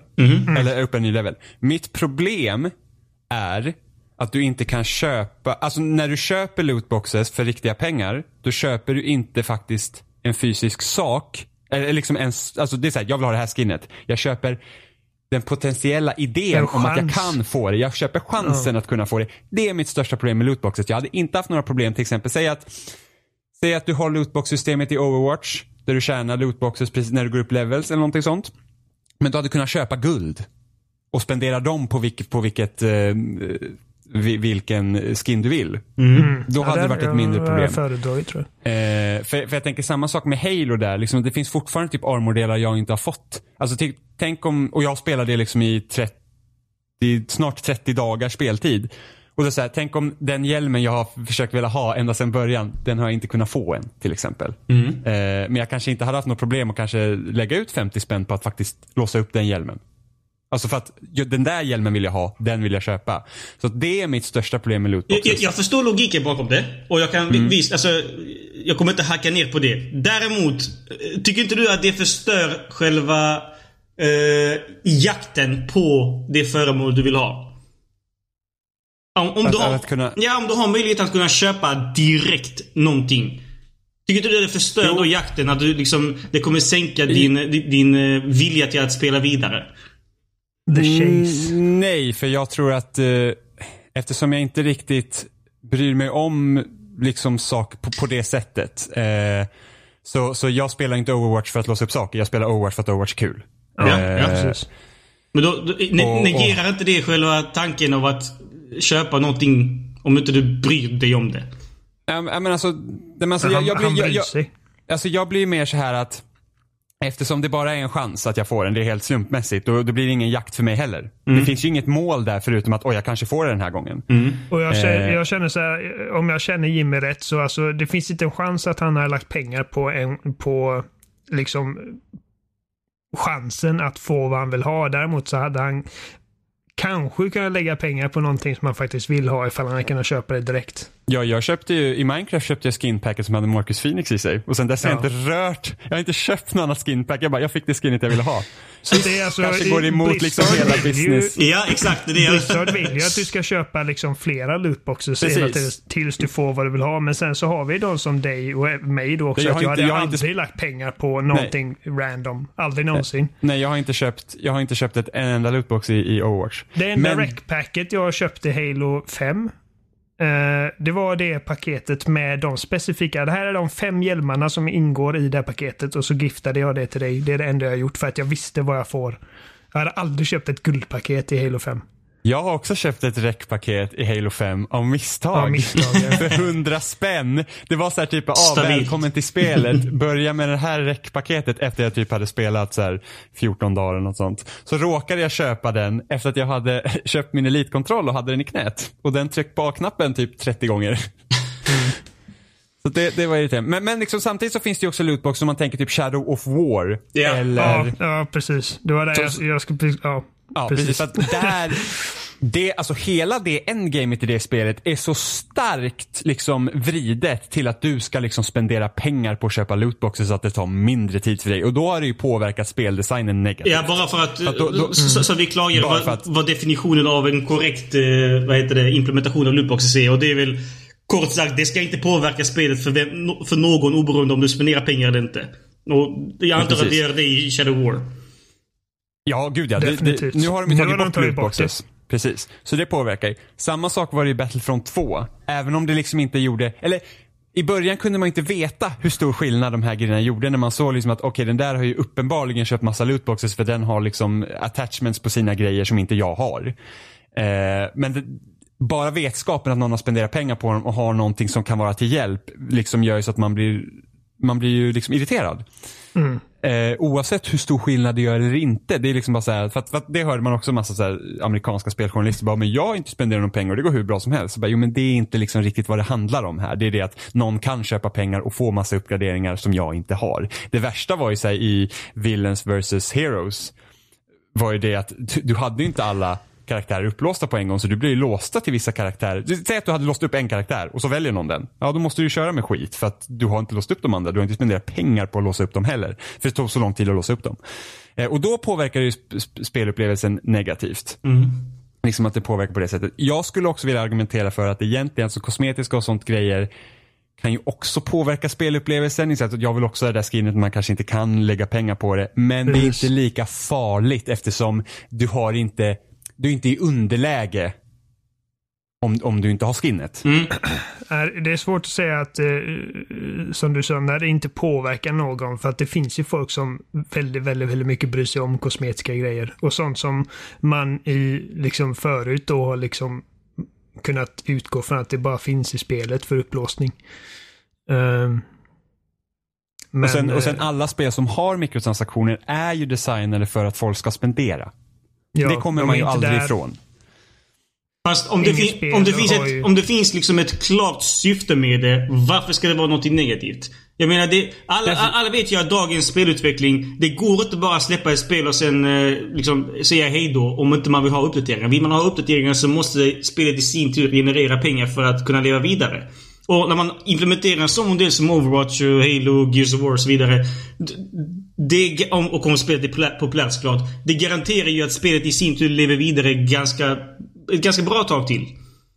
Varför ska man säga liksom nej till det? Overwatch hade aldrig kunnat leva och frodas som det gör just nu om det inte vore för deras lootbox-system. Nej, nej, absolut. Så det, är ju liksom, alltså, det blir liksom orsak och verkan. Det, det måste man vara medveten om. Eh, för att jag har inte heller något problem med hur det funkar i Overwatch. Liksom förutom att ja, jag hade gärna kunnat spendera faktiskt pengar på de skinsen jag vill ha. Snarare än att jag, liksom, chansen till det. Så att jag har inte heller något problem med det. Men, Och just att du kan tjäna lootboxes liksom i. För jag, jag, i, eh, anledningen till varför jag kom på detta, det var för att jag insåg när jag satt och spelade Hearthst- eh, eh, Hearthstone och jag, jag har spelat det sen liksom betastadiet. Och jag har Mm. alltid liksom förundrats över jag borde tekniskt sett inte gilla deras implementation av eh, deras eh, liksom kort. Sättet som de hanterar liksom, köpa det. Men ändå så har jag liksom spelat sen beta, och jag skojar inte, varenda dag. Och det är ju ganska Det är många år. gratisspel också väl? Ja, det är, exakt. Det är ett gratisspel. Det lever tack vare deras sätt att hantera kort. Du köper ett Det, pack det är ju liksom...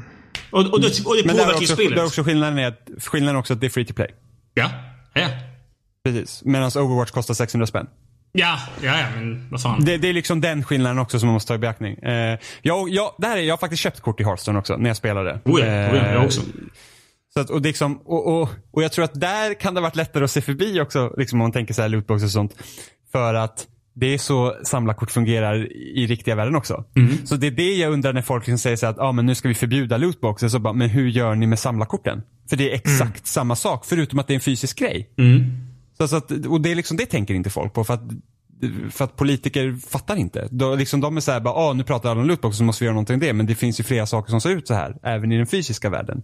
Liksom, hur många liksom, Pokémon-kort har man inte köpt liksom, när man var liten? Ja, det går inte att se alla lootboxes som likvärdiga. Det, det handlar om kontext och hur de implementerats och grejer. Men Gears of War eh, 4s lootboxes, de är fan helt jävla värdelösa. Alltså få någonting vettigt ur dem, det är helt jävla omöjligt. Men vänta. Och sen så får man jävla skräp och så så bara, ah, hur mycket, hur mycket sån jävla dust som man kan liksom fixa de här korten då efter varje match man får. Nej, det är som ett jävla slag i ansiktet varje gång. Alltså, Men jag anled... har fortfarande inte fått Nej. heller. Faktum är att anledningen till att jag inte vill ge mig in i Gears of War 4s multiplayer är på grund av dess lootboxes och hela deras kortsystem fungerar för att jag blir så jävla irriterad varje gång en match är slut. Man spelar typ en halvtimme och så får man så lite ut av det när man ska kunna göra sina nya karaktärer att det är bara så här, va? Men jag, jag, Det- det- det- Du får refresha mitt minne nu lite grann. Men visst, eh, jag, jag minns att de har delat upp lootbox-systemet i en, liksom, i flera delar. Den ena är väl när du spelar tillsammans med vänner på, fan vad det nu heter, det här modet. Ja, Eh, du, du, har, du har olika boxar. Du har liksom en box för, eh, som fungerar för hårdläget. Liksom, så att de här Ja. korten får du till hård. Och sen har du en eh, box som fungerar, liksom, här får du eh, typ kosmetiska grejer och boosters. mm. Ja, som i Halo. Men det är att, ja precis. Men eh, i Halo när du, du får saker så känns det faktiskt, alltså på en kväll så kan du ändå dra ihop en, en, en ganska ansenlig summa liksom, eh, poäng för att kunna köpa kortpaket. Medan i Gears of War så kan du inte göra det. Du får liksom sitta och grinda hur mycket som helst för att ens kunna köpa ett paket utan pengar. När du köper ett guldpaket i Halo är det också garanterat två cosmetics som du inte har. Eh, Medan i Gears kan du få uh, duplicates. Ja, som man sen kan bryta ner så man får liksom då, ja men som i Hearthstone, så att man kan liksom crafta sina egna kort. Men det är ju liksom, det är sådana lite små valörer så att det, det känns ju bara som, alltså är inte Gears of War 4 ditt liv så har du ingenting där att göra typ. det är liksom, så himla irriterad är jag på det. Jimmy. Eh, vad är din första opopulära åsikt? Min första, alltså jag har inte någon så lika stor, stor samtalsämne som Aldin och nu kommer inte Aldin, nu kommer inte Aldin kunna väga in så här mycket för att han har faktiskt bara spelat Breath of the Wild. Men min Mm. första opopulära åsikt är att eh, alla, alla 3D mainline Zelda-spel är bättre än alla 2D mainline Zelda-spel. Vilket jag vet att många inte tycker om för att folk tycker typ att A Link to the Past är det bästa Zelda-spelet, vilket de har fel i. Men det är en annan sak. Jag, eh, ja, som sagt, det här är en sån grej. Så här, om du hade skrivit det på, på ett spelforum så hade du fått en hel del motståndare. Eh, Ja. Jag säger inte emot. Men vad fan, jag, jag, jag begriper mig inte på en grej. När man ser typ såna här grejer, eh, spel som till exempel Link to the Past. När man säger ah, men det är det bättre, bättre spel än till exempel Breath of the Wild. Räknar man in då utvecklingen av själva spelet? För att, alltså eh, hur modernt det är gentemot eh, sina nostalgikänslor. För, för jag, jag kan inte begripa när folk säger som, liksom, ja men ett av mina favoritspel är, vad heter det, Goldeneye. Spelar man Goldeneye idag, då är det skräp. Alltså så jävla mycket skräp så det är Folk lägger skit. för mycket på nostalgin. Ja, det är men, bara så. Men är det inte samma sak då med, med Link to the Past? När, när, när man argumenterar liksom just Zelda. Att man går på nostalgikänsla och inte på det faktiska spelet. Fast saken är den att Goldeneye är skräp idag för att det är så mycket som har hänt i den genren. Medan 2D Zelda liksom spel är ju liksom något som har De nästan le, levt liksom i ett vakuum. För att man kan säga liksom att, att A Link to the Past var liksom the pinnacle av, i genren liksom på den tidpunkten då. Där Och sen, har, jag. och sen har man ju gått över till 3D. Nu görs det ju liksom olika, alltså okej, det görs inga faktiskt typ 2D Zelda-spel idag heller riktigt som är som Zelda. Eh, men jag spelade Link to the Past i höstas. Och det är fortfarande bra, alltså det håller ju. Det var liksom första gången jag spelade igenom det. Eh, och det, det är liksom, ja, och, det, och, och speciellt för sin tid då så gjorde det ganska speciella saker och det finns liksom många eh, kluriga pussel och som man tänker som är imponerande och som håller fortfarande idag. Men det är liksom för mig så är det inte det jag verkligen gillar med Zelda. Det, det saknas i, i, i den 2D-utformningen som A Link to the Past är, som jag vill ha. Liksom, jag vill ju ha en stor öppen värld och kunna leva mig in i det och jag kan liksom inte göra det riktigt i Link to the Past för det, Jag, jag håller med. så att, men Jag jag, skulle med. säga liksom att alla, alltså även så här. Ocarina of Time säger ju många som inte håller idag. Det är väl liksom, det är väl lite rough around the edges men jag tycker fortfarande att det funkar. Just för att Mm. också att det är ingen som gör riktigt Zelda-spel som Nintendo. Eh, liksom, Jag tror, alltså, jag tror att när man säger typ att ja, det här och det här gamla spelet är mitt favoritspel. Jag tror det handlar lite också om att man tittar på vad det gjorde för spelmediet eller genren när det släpptes också. Jag pekar ju ofta mot Ocarina of Time som mitt favoritspel någonsin. Eh, men alltså det, det har ju hänt massor i den genren också. Det är bara att jag, jag tänker tillbaka på hur det kändes när jag spelade första gången och det var liksom typ det coolaste som någonsin existerat jag tycker Eh, fortfarande att i Ocarina of Time så är, hur de har lagt upp mytologin kring Triforce och det, i det, så tycker jag fortfarande att det är det bästa. Mm. I hur de sköter den biten. Mm. Eh, sen är mitt favorit Zelda av Breath of the Wild ska jag säga nu då, men innan det var det Wind Waker. Ja, ja men det, jag, jag, jag, jag håller med. Jag gillar att vara liksom att eh, utforska en värld i tre dimensioner. Även om jag såklart eh, gillar de eh, 2D-spelen också. Men, men då tycker jag fan att eh, eh, A Link eh, Between Worlds är bättre än A Link to, to the Past. Jag har inte spelat Link Between Worlds. Ja, ja, det är bra. Johan? Det kommer inte på någon. Okej, ja, men vi hoppar över det så länge då. Då får du sitta och tänka en till. Två veckor har du haft Ja, förresten. men jag har funderat, men jag är väl så tråkig så jag har väl inga så här bra... Jag är inte så kontroversiell. Okej, ja, men det gör inget. Okej, men då, då säger jag då, eh, när vi... Ska vi se, jag har min lista här på telefonen. När vi ändå är inne på Zelda. Jag tycker Skyward Sword är bättre än Wind Waker. Dra åt helvete. Här fick vi igång Johan. Jag hatar det jävla spelet. Du tycker inte om Skyward Sword Johan? Nej. Det, vi, Varför? är det, det, det är väl Nintendo Wii-spelet som jag minns? Ja, ja, så jag måste fippla med den jävla kontrollen. Ja, men det fungerar. Nej. Och det, det, det gör liksom att det, det spelet har pussel och grejer som, som ju- inte hade kunnat alltså- göra annars. Alltså man kan ju säga att det fungerar. Jag kommer ihåg andelen många gånger man behövde omkalibrera den där jävla kontrollen och sätta ner Ja, den face down på golvet för att den bara Åh, jag, jag Va? kan- klarar inte av. Ja, hände flera gånger. Nej, jag, det enda du behöver göra är bara hålla, hålla kontrollen i ett, i ett skönt, liksom neutralt läge och trycka ner på Det D-paden finns och så är det klart. inget neutralt läge med Wiimoten. Jag har aldrig haft problem med det. Jag bara liksom, okej, nu siktar jag på tvn och så trycker jag på ner på D-paden. Nu är jag kalibrerad. Fast de kanske, jag kanske ändrar det med Wii Motion Plus. Det kanske är när man utan Motion Plus man behöver sätta ner den på bordet. Det går väl inte att köra det utan Wii Motion Plus ens? Nej, precis. Så att jag kanske har fel. Men det behövde omkalibrera. Ja, ja, du tänker... Ja, Ja, precis. Innan Motion Plus då tror jag du behövde sätta ner den på, på en, på en ja, platt ja yta. jo, men det behövde så man ju. Men med, med Wii Motion Plus så behövde man inte det på samma sätt längre. Uh, Men visst- alltså kolla här, Wind Waker är... Jag förstår ju Oliver så Ubisoftifierad så han njöt av den 15 timmar långa tutorialen i Skyward Sword. Det tog ju för fan en evighet innan man kom därifrån. Alltså fy helvete vad seg början var. Tio, tio timmar in i tutorialen. bara Tio timmar in och de bara åh så här använder du en potion och man bara fuck you. Och sen har man det där jävla svärdet med sig som typ talar om för dig hur spelet fungerar konstant. Ja, ja, ja, ja, ja, allt det där är helt sant. Alltså, det, gav, det gav en bild typ när, när Oliver sitter och spelar det liksom tutorial. Så tio timmar in så visar de bara att oh, det här är en potion. Oliver bara Fan vad bra det här spelet är alltså. Förklarar allt. Tänk om Alltså, inte allt det där är detta. sant. Eh, Fi är jättejobbig när hon bara Åh, din batterinivå är så här så här. Hon pratar som en dator. Hon är typ Siri innan Siri kom.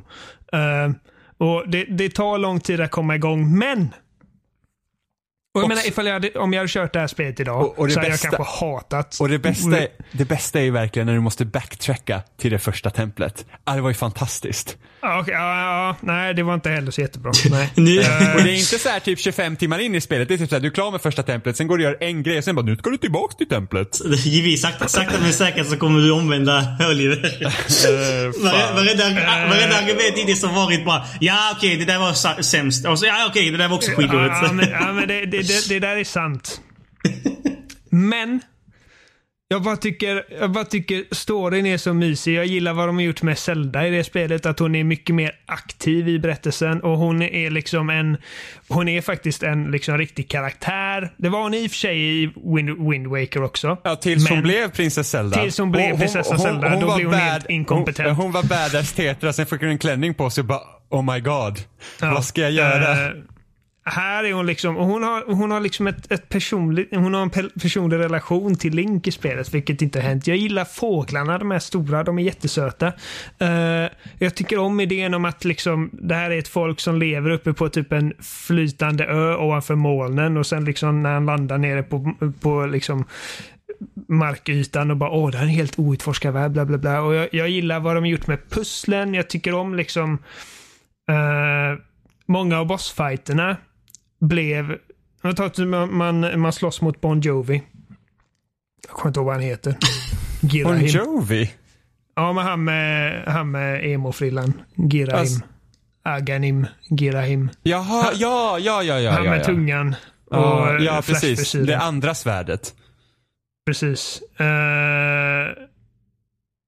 liksom att det, det helt plötsligt istället för att liksom bara okej okej nu, nu exponerar jag hans svaga punkt och nu bara hamrar jag på svärdknappen så får man faktiskt liksom angripa honom från olika håll med svärdet och liksom bla bla. Jag tyckte det var kul. Uh, templen är riktigt bra.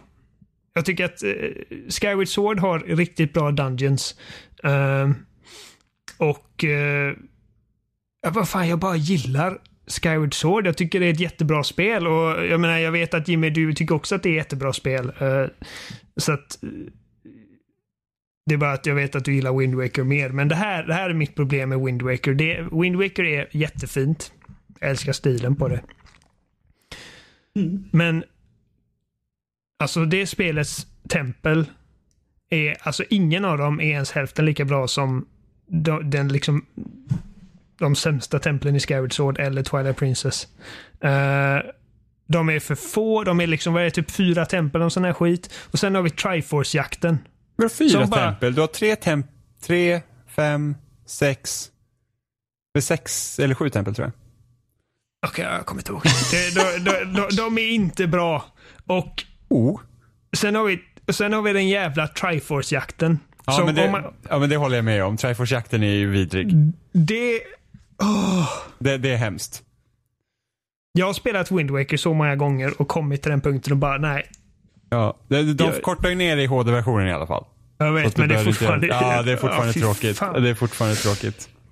Eh, så att jag gillar fortfarande Wind Waker. Jag tycker det är bra, men jag tror inte ens det är topp 5 på min Zelda-lista. Alltså, för mig var det mycket problem med Skyward Sword också, att det kom efter Twilight Princess. Och det var efter Twilight Princess jag kände att de kan inte ha en så här tom och platt värld igen. Liksom, det måste hända någonting i världen, det kan inte bara vara tempel på tempel. Och så kom man till Skyward Sword och så bara, ah, det finns inga människor nere på planeten. Alla bor här uppe i molnen. Som hubbvärlden var inte speciellt stor. Alltså det, var, det var så mycket i det som var så här att det här vill jag ha av nästa Zelda och som inte fanns riktigt där. Men jag älskar typ Men när jag- man kommer jag- till, eh, till Impa där nere och inser att det är den gamla versionen av den som följer eh, Zelda och sen så, så ser man att Zelda är den här kristallen där inne och man bara, hon har varit där hela tiden. Ja, men, men alltså, jag, jag, alltså jag tycker också om Skyward Sword.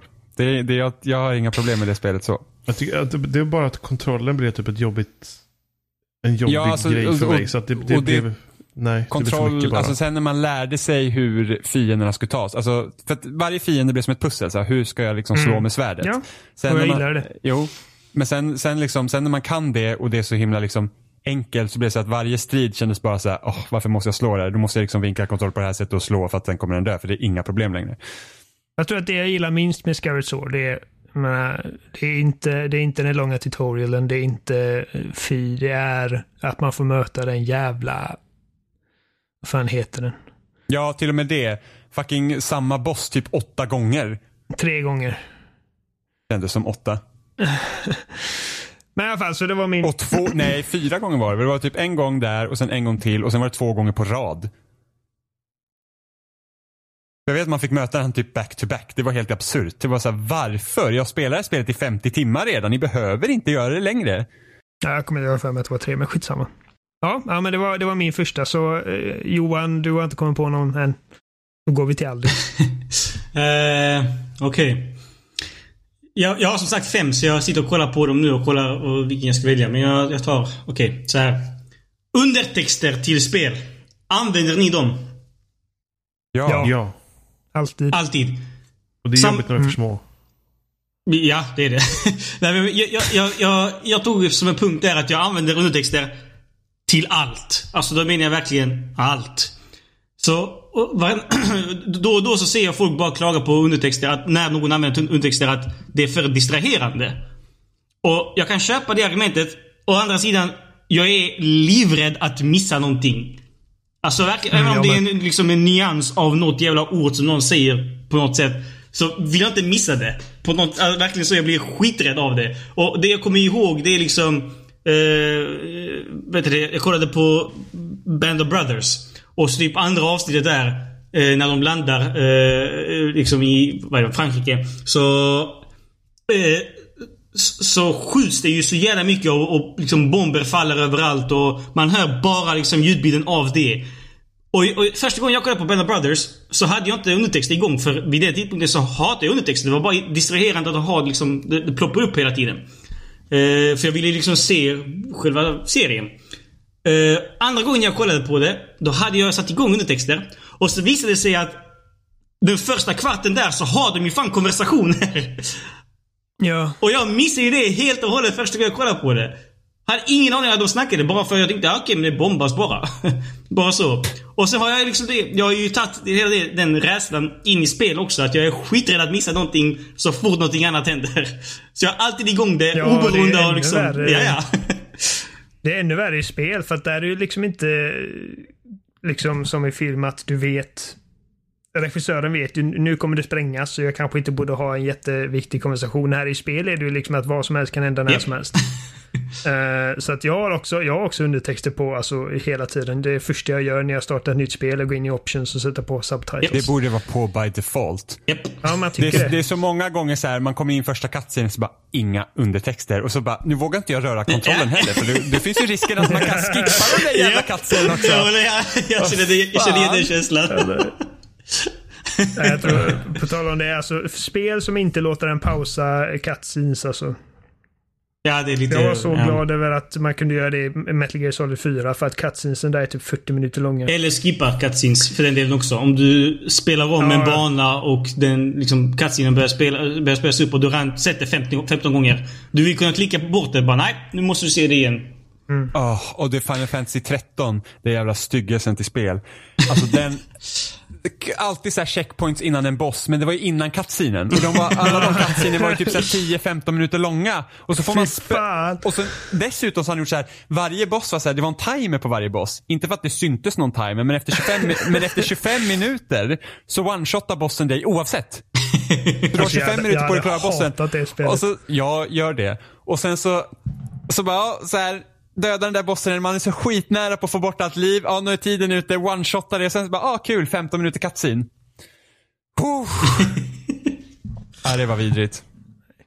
Så, ja, nej, men jag, jag har alltid undertext, även i film. Och det, men jag förstår ju engelska, jag kan ju engelska. Men det är just det liksom när man kollar på någonting. Ifall det är liksom någon konstig dialekt och det är ett ord som, inte, som går undan. Eller om det är liksom mycket action och det är någon, något ord som dränks. Mm. Det är aldrig i livet. Min flickvän säger alltid bara, varför sätter du på text? Det är du Ja. fan du är illiterate. Jag vill Och också. jag bara, du. Jag vill, inte, jag vill inte missa någonting. Get off my back. Det värsta är ju spel också när de inte har, har subtitles på allt. Det är så här, man, man, man går förbi, för ibland är det så här, ja, du har, kat, du har liksom subtitles när du pratar med folk eller när du eh, eller när man liksom får information om någon, liksom av någon anledning. Och sen går du förbi typ två NPCer som pratar med varandra och inga subtitles. Det, det, kan, det, kan också, kan också det, men det kan ju också gå lite överstyr. Vet, när, det finns ju sådana memes också om Ja. det. När, när det typ står eh, eh, det är så här, i, i kursivt.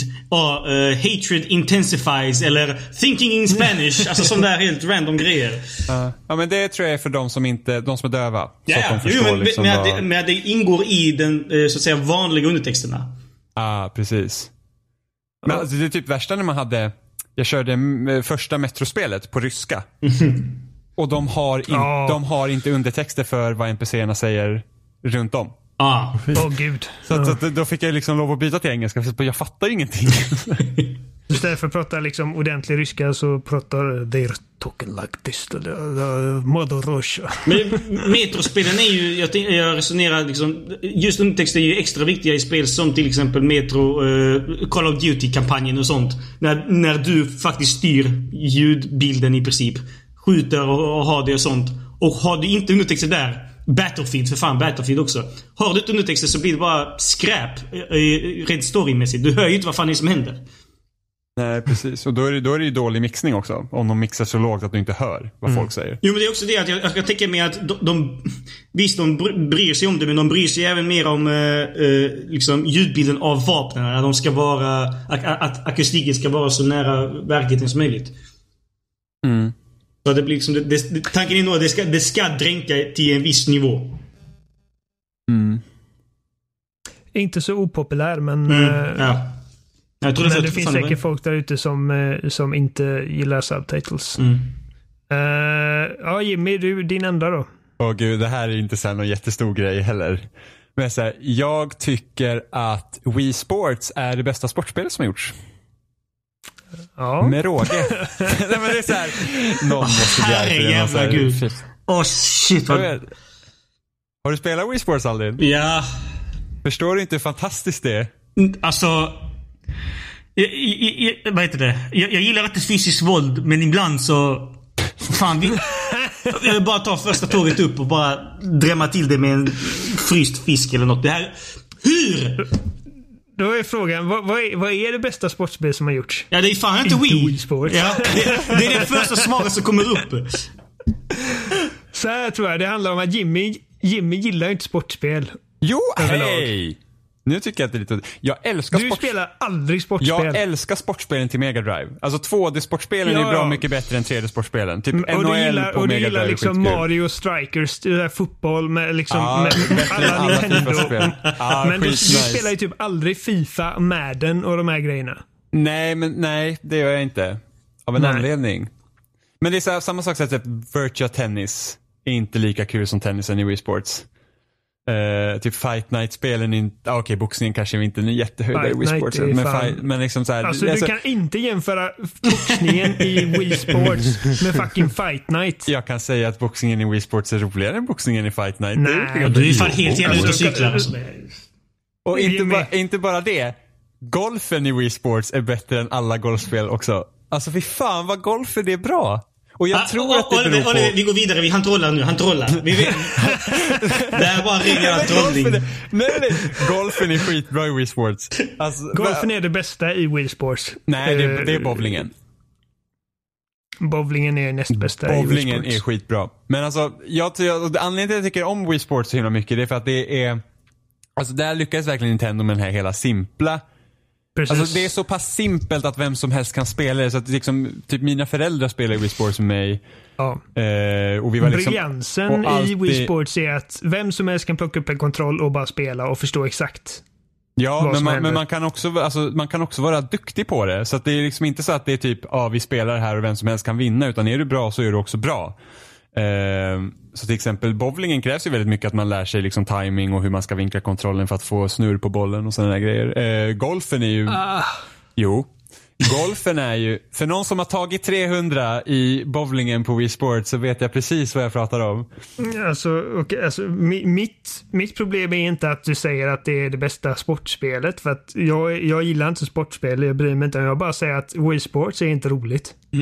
Wii Sports är Det är fantastiskt. inte det bästa någonting. Jo. Det, är en, det är kanske det bästa liksom inpackade teknikdemot som någonsin har släppts med en konsol. Men det är det i princip. Ja, fan, Wii Sports Bara- är skitbra. bara i huvudet så kan jag tänka på mig typ såhär, eh, vad är det? Fifa mm, 09?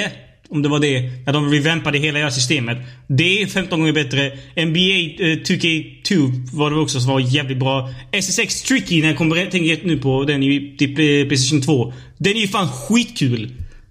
Alla de är fan bättre än Wii vet, Sports. vet vad som också är skitkul Aldin? Wii Sports. Nej. Fy fan vilken... Nej. Oh, det, ja, det, det- det- nej, det, jag- du, det, det är så, sånt spel man spelar med barn och eh, liksom äldre människor i 80-årsåldern. Som faktiskt Alla klarar kan av att hantera det. Alla kan spela Wii Sports. Det är så himla roligt. Inte om man har Jag har spelat någonting annat. spelat, eh, jag har aldrig spelat Wii Sports Resort, men jag kan föreställa mig att det är betydligt roligare än Wii Sports. Nej, det är det inte. Det är typ en av... Det, det är typ... Nej. Nej, alltså Wii Sports Resort var typ en av de största besvikelserna till Wii. Förutom Wii. Ehm, alltså det, Motion Plus förstörde. Du, Metroid Other M. Jag har inte spelat, jag, jag blev avrådd att köpa Other M för 9 spänn. Så Okej. jag köpte inte det. Eh. Men Wii, Wii Sports Resorts var faktiskt, alltså Wii Motion Plus förstörde eh, Wii Sports Resort. Och, och mestadels de liksom gamla sporterna som fanns för att den liksom blev för, alltså den blev för känslig helt enkelt för att det skulle fungera som spel. Vissa grejer liksom fungerar skitbra, som svärdsfäktningen var ju liksom helt okej. Eh, boxningen tror jag också blev bättre i Wii Sports men både bowlingen och golfen blev sämre för att det liksom, det, det, det blev såna minsta lilla liksom rörelse kunde liksom fucka ur det. Eh, Du kunde inte fuska längre. Nej men inte fuska liksom. Det, det, det, var, det var svårt att få till en teknik eftersom det faktiskt inte är en riktig fysisk sak du håller i. Liksom en golf, alltså golfar du med en golfklubba så vet du, du, du kan ju liksom känna av svingen. och längre. liksom, Jo det gjorde jag. Du kan känna av svingen, liksom tyngden i klubban på ett annat sätt. Men när du har en liten plastleksak i handen så är det liksom mycket svårare. Så Men det går liksom inte att vara lika precis. Men det är inte samma sak. Eh, så jag har testat, de det är inte samma sak. de, de många, de, många av de nya sporterna var ju också så här, alltså cyklingen var ju helt vedervärdig. Så att, så att det, idén med Wii Sports Resort var, var rätt så kul med den här Woohoo Island eller vad det nu hette.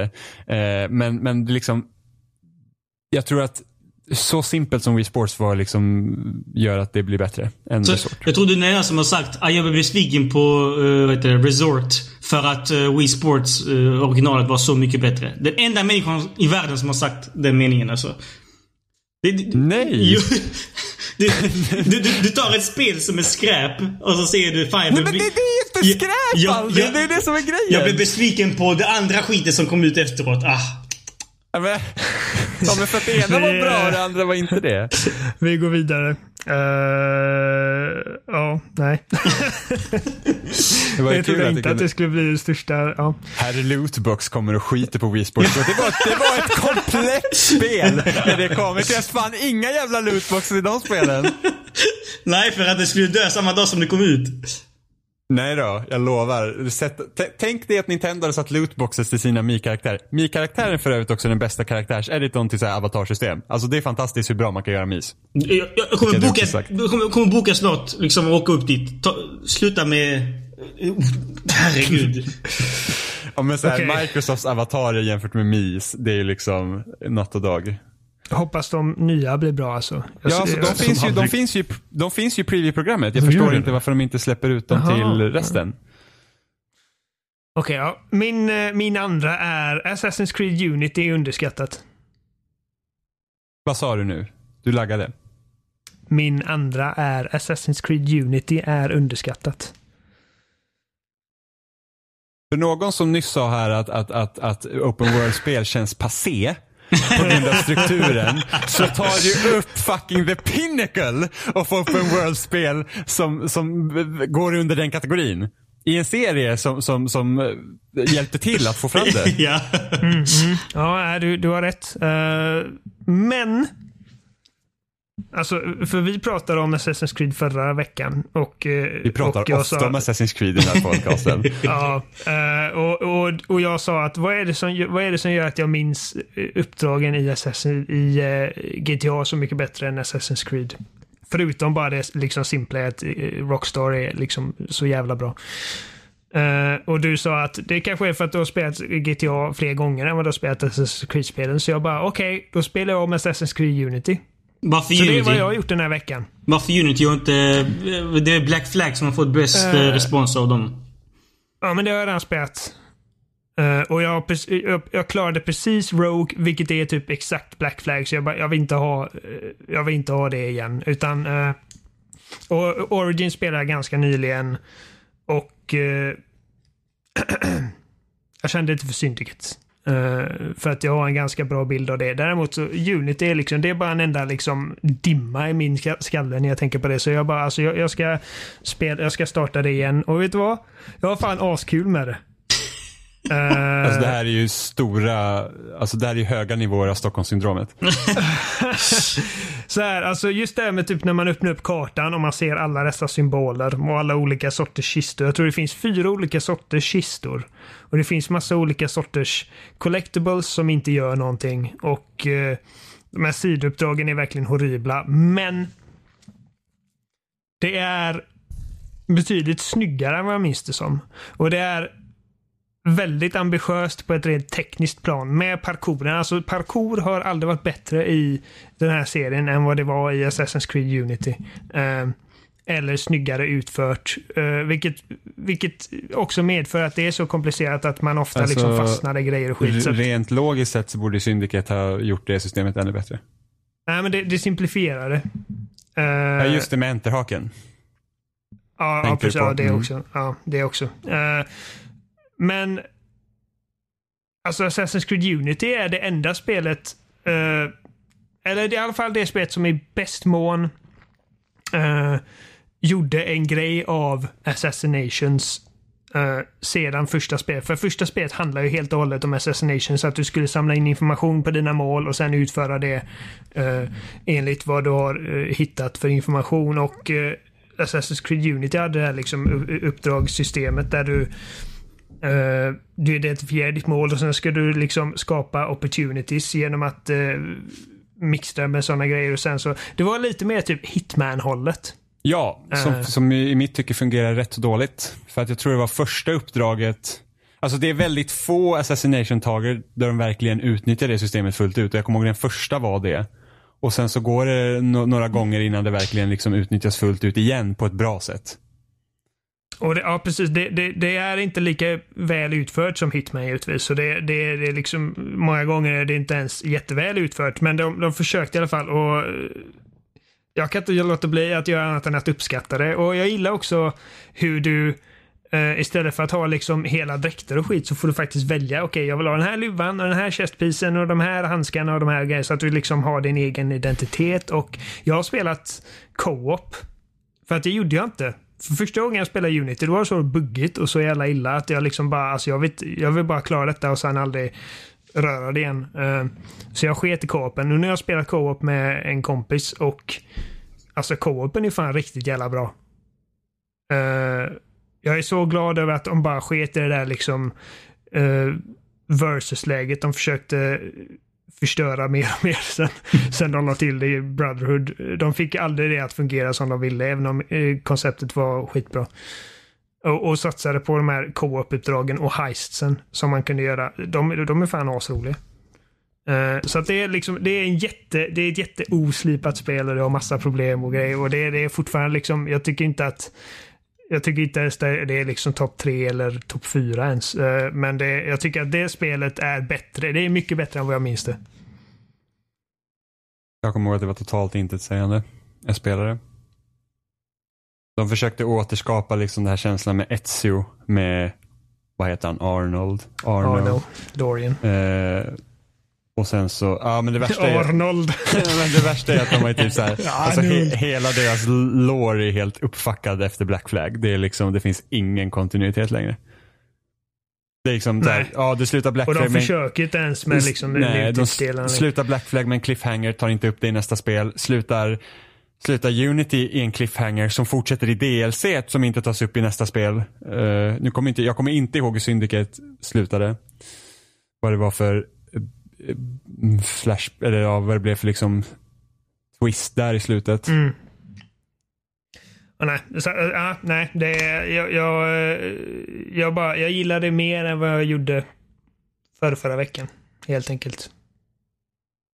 Mm. Eh, om inte Johan har kommit på något så tar vi aldrig en sista. Är på. Uh, fan. Eh, jag vet inte vilken jag ska välja igen. Uh, mm, Okej. Okej, jag tar denna. Jag vet inte hur pass kontroversiellt det kommer vara, men jag säger det ändå. Jag avgudar Fable 1. Okej? Nej! Nu kan ju folk kanske tycka, aha, men jag tycker också om Fable 1. Varför är det så kontro- Det är inte kontroversiellt. Jag, jag vill nu betona just detta. Jag avgudar spelet. Jag, jag, ska, jag kan resonera mig fram till att det kanske är ett av de bästa spelen som någonsin gjorts. Så pass mycket älskar jag det. Om man jämför det med eh, liksom andra rollspel. Jag kan inte komma på ett annat, annat rollspel eh, som har bättre stridsmekanik. Overall. Uh, Och, Va? och skill tree.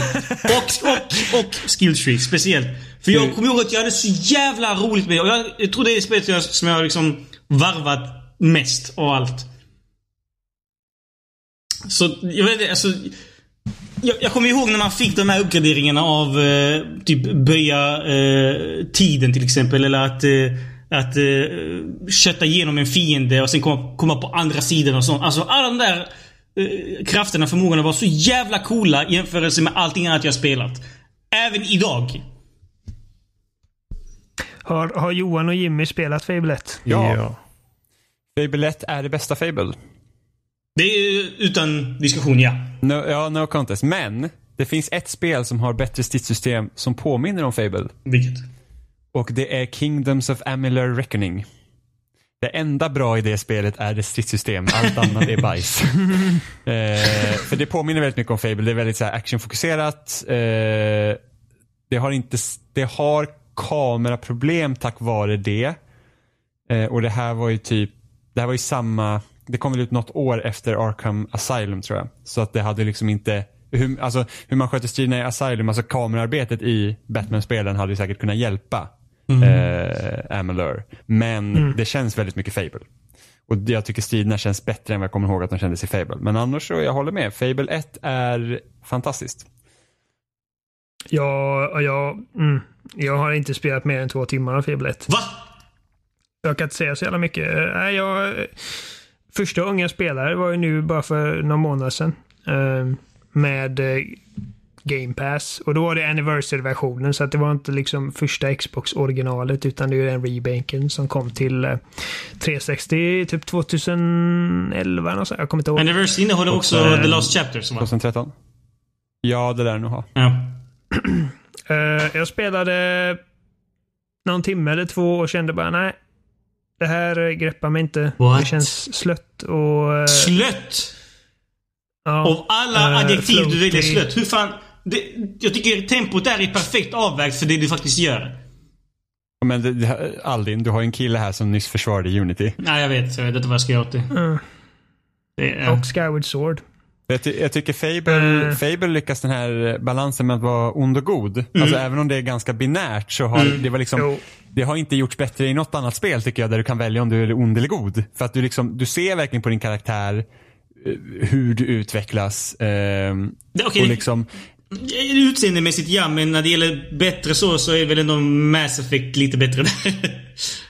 ja fast Mass Effect har ju problem med att du egentligen inte är ond, du är bara otrevlig. ja, okej jag då. tänker Ja. man tänker typ första Infamous till exempel. Ja. Eh, jag, jag gillar hur man, typ, alltså, hur man verkligen kan se att jag blir ondare eller jag blir godare. Och det var något som de inte lyckades återskapa i, i, i de senare Fable heller. Jag har spelat tvåan mest och då har jag inte klarat det heller. Ehm, men eh, jag tror att jag hade säkert gillat Fable ifall jag liksom kom förbi. För att jag kände bara i början var det att oh, jag ska gå runt och eh, göra tjänster åt folk så att jag kan få pengar för att köpa en present till min syster. Vilket ju var okej, det är inte så jätteroligt. Eh, och sen så hamnar jag i något slott där jag ska bli typ tränad för att bli någonting och de bara åh, gå och gör detta, gå och gör detta. Jag, bara, jag kände inte det så jag bara avinstallerade Men den det, en gång. det, var, det var Eh, det som... Det, det var en av de lite mer finurliga grejerna de bakade in tutorial i grundspelet. I själva main storyn. Det du gjorde var ju egentligen tutorial. Jo, ja, men det är klart. Det är klart. Eh, men det lyckas inte greppa mig. Jag tror säkert att jag hade gillat det för jag har liksom verkligen kommit in i det. Men Ah. det finns för mycket att spela idag. För att, ja. Men du spelar om spelar Unity! Unity Det är för fan liksom, vi får Assassin's Creed Batman-spelen och- år och då bara såhär, hmm, nu ska jag spela om Unity. Man finns så mycket att spela. Åh gud. Eh, Ja, jag vet. Uh, Ja, nej, men jag, Hädelse. jag, jag, alltså, jag, tror, jag tror att... eh, jag menar, jag, jag, jag, jag hör inte ofta folk liksom älska, liksom, alltså säga att de avgudar Fable, men jag tror att de, de, de flesta tycker att Fable 1 är i alla fall det bästa av vet du vad, vet du vad? När man tänker efter på Fable, Fable 1. Det finns ytterst få grejer som du kan säga var så här liksom direkt dåliga. Utan allt de har gjort där är deras lägstanivå på alla delar är minst liksom nivån bra. Allt från designen, kartan, uh, storyn, röstspelsskådespeleriet, uh, stridsmekaniken. Allt är minimumnivå är fortfarande bra. Minst. Mm. Jag tror att det var inte det lite som en sån här No Man's Sky-grej, liksom att uh, Peter Molyneux uh, Jo, det var lovar det. lite för mycket. Det- det- att du typ, uh, okej, eh, du ska kunna plantera ett Ja, ekollon ja. och sen så har du träd och... Jo, det var, det var ju Eh. liksom såklart hans jävla hype-maskineri-grej eh, sänkte ju en ganska rejält. Men jag menar, spelet... sp- Om du hade liksom bortsett från allt han sa, om du hade varit helt frikopplad från spelvärlden och bara spelat spelet, då hade du garanterat älskat det. Jimmy, vad är din sista? Ja. Eh, ska vi se. Jag tror, det, det, här kan bli ett ganska stort eh, samtalsämne, men jag tror att om spelmediet ska utvecklas som ett berättarmedium mer så måste man gå bort från att bara berätta spel där våld är i fokus. Mm. Det här Eh, har vi pratat om förut. ja. Eh, och eh, jag... Eh, för då tänker jag främst, och det här är egentligen ingen knock mot God of War nu, men med tanke på vad God of War är för spel eh, och vilka teman det vill ta i så begränsas ändå den berättelsen av att det är God of War. Och att, att du, du liksom har en, i den, i, satt i den våldsamma kontexten som den är satt i.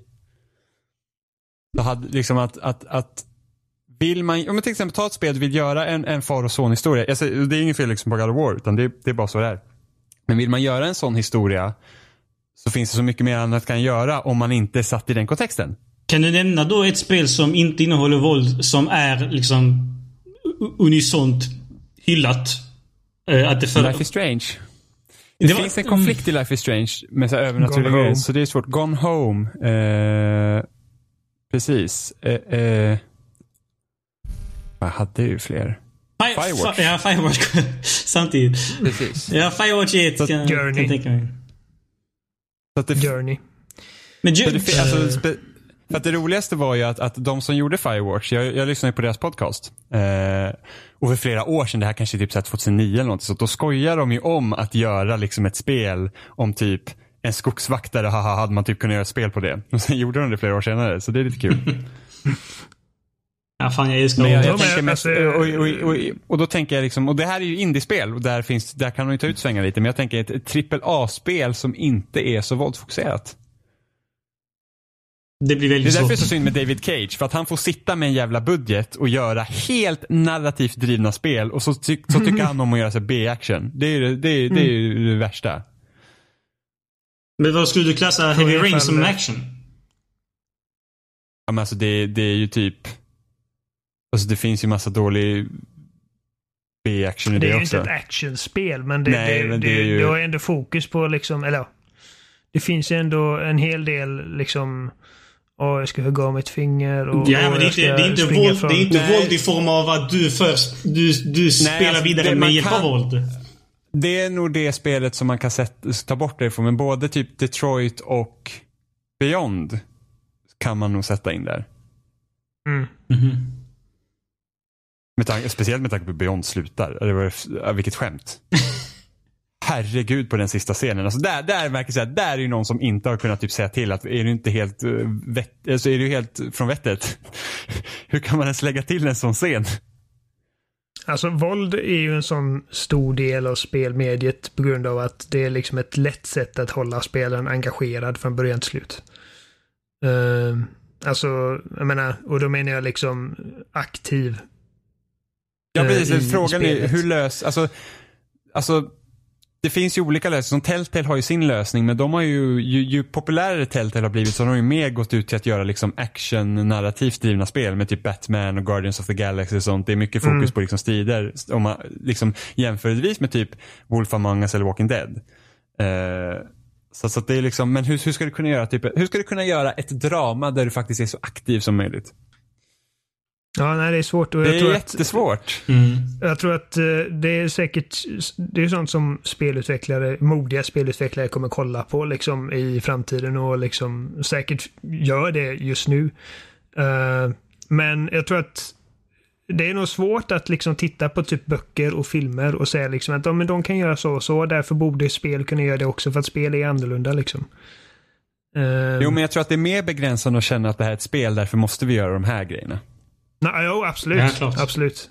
Jag bara tror att- man ska, man ska liksom inte applicera sina förväntningar på andra medier till spelmediet.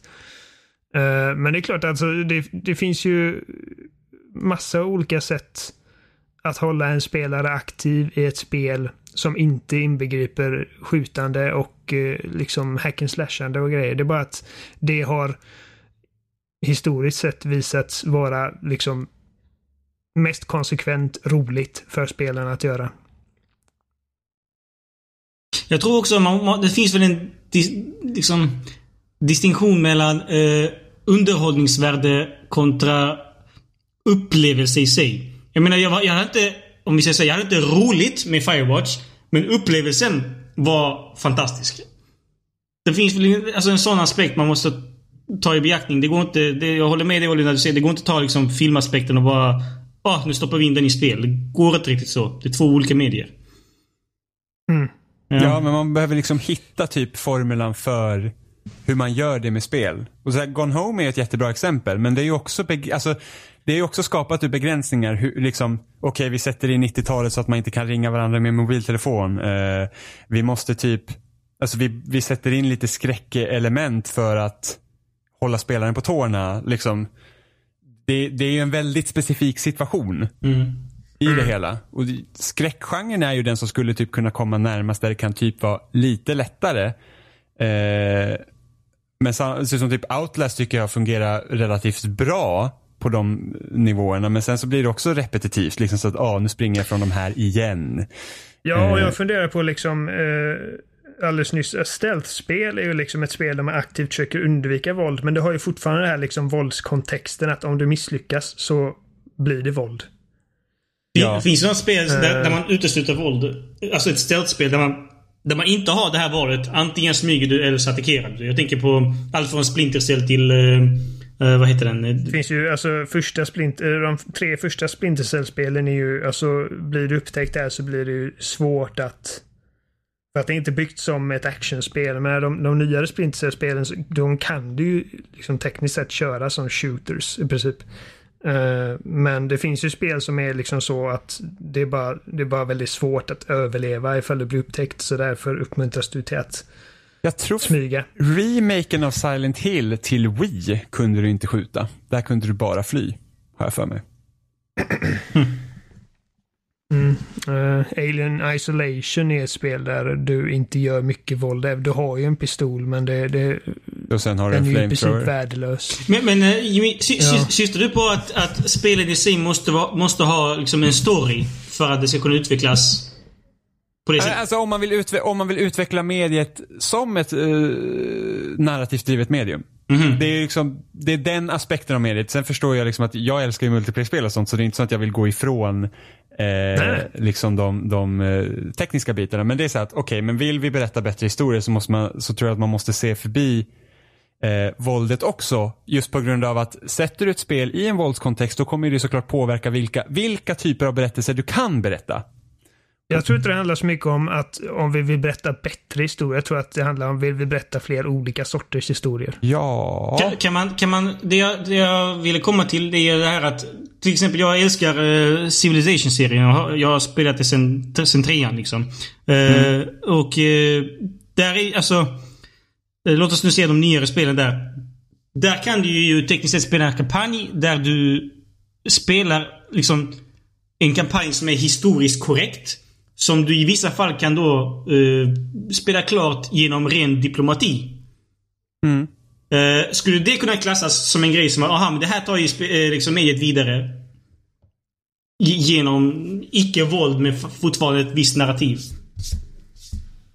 Alltså, ja, eftersom där kan du ju, du kan inte riktigt styra, alltså det är ju fortfarande baserat kring liksom erövring och, och liksom att, att, att Ja, du, du, du kan, men till exempel i, i, spelar du som Sverige, då är liksom din största eh, vad heter det? Asset, din diplomati med andra stater. Så de- aktivt säger liksom så här, ja men Sverige har varit eh, whatever, neutrala så därför borde du utnyttja din, din diplomati, dina diplomatiskills för att kunna ta det vidare. Utan att slåss. det är ett alternativ, alltså det är en alternativ eh, eh, sätt att spela det spelet. Men jag skulle nog säga att det spelet fortfarande är liksom byggt kring en konflikt som nästan uppmuntrar till våld också. Eh, jag skulle nog vilja ha ett spel som liksom ser bort, alltså inte bara det att du har möjligheten att spela på ett, på ett fredligt sätt utan det är så att du kan inte döda folk i spelet eller du kan, du, du kan inte använda våld i det här spelet utan det är liksom Okej, och The, The det Witness då? baseras inte runt det. The Witness då? The, precis, The Witness var ett, ett exempel som jag också tänkte att där har du, där har du ingen våld överhuvudtaget. Så, alltså att det är ju också ett sätt eh, att, att berätta en historia. Men vet du problemet är med det? För när, när man tänker efter, till exempel Witness. Det finns ju ett eh, narrativ-ish, historia-ish, Ja. någonstans där. Men problemet är när du inte har, eh, ja, det är så här linjär story som låt säga nu God of War. Då, då blir det liksom sådär att du kan inte berätta det på ett bra sätt. Det finns inte bra sätt som gör att du kan liksom progressivt ta dig fram från en storypunkt till en annan. Nej precis, där blir det mer så att du, du, storyn finns där för dig att upptäcka om du vill. Men Ja. i grund och botten är det liksom ett pusselspel. Ja. Eh, jag vet det finns ju många så narrativa spel så på iOS till exempel.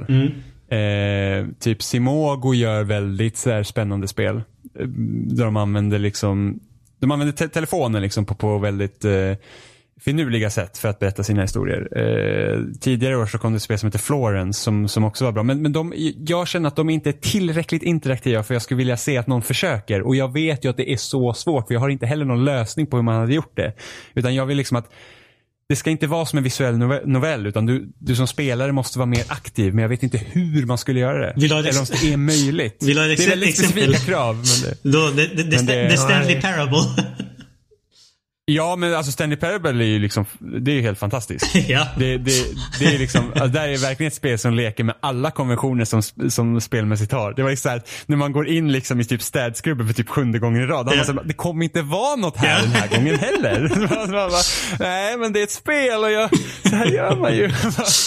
Så att, så, att, det, så att det är väldigt kul. Men samtidigt det är också en liten indie-titel. Jag skulle vilja se en stor studio försöka göra någonting. Jag har bara så svårt att se Ja men du en hade, nära du, framtid du hade, där också det svårt, skulle att- hända. du hade också svårt att se att ett piratspel skulle fungera. Så att du är lite diskvalificerad. Alltså, ja, men eh, ja, det finns, ja, nej. Men samtidigt, jag har, inte, jag har inget svar på det heller. Hur man skulle göra. nej, men man, alltså det är inte vårt jobb Nej, att se till för att komma på hur det ska att det liksom fungera. ska ju men, vara, alltså det måste ju fortfarande vara engagerande. Men samtidigt vill jag att du ska vara mer aktiv än att välja till exempel dialogval. Ja, och bara gå. Liksom. Eh, Jag kan tänka mig att VR hade ju varit en plattform där det hade varit lättare tror jag att göra det om, om man liksom, för att, för att det är en helt annan inlevelse i VR. Mm, ja, precis. Men, Och man kan göra mer grejer där. ja, Men eh, men VR som plattform är ju inte liksom som sagt, när jag säger att jag har svårt att se hur det skulle... Jag, jag säger inte att det aldrig kommer hända. Jag bara säger att jag tror inte att vi är där riktigt. Att vi kommer få se stora påkostade AAA-spel helt befriade från våld inom en snar framtid. Det, det ligger nog längre fram i framtiden. Det tror jag också, men mm, för att, Eh. det är li, för att Ninja Theory är ju en sån studio som jag kunde tänka mig kunde försöka.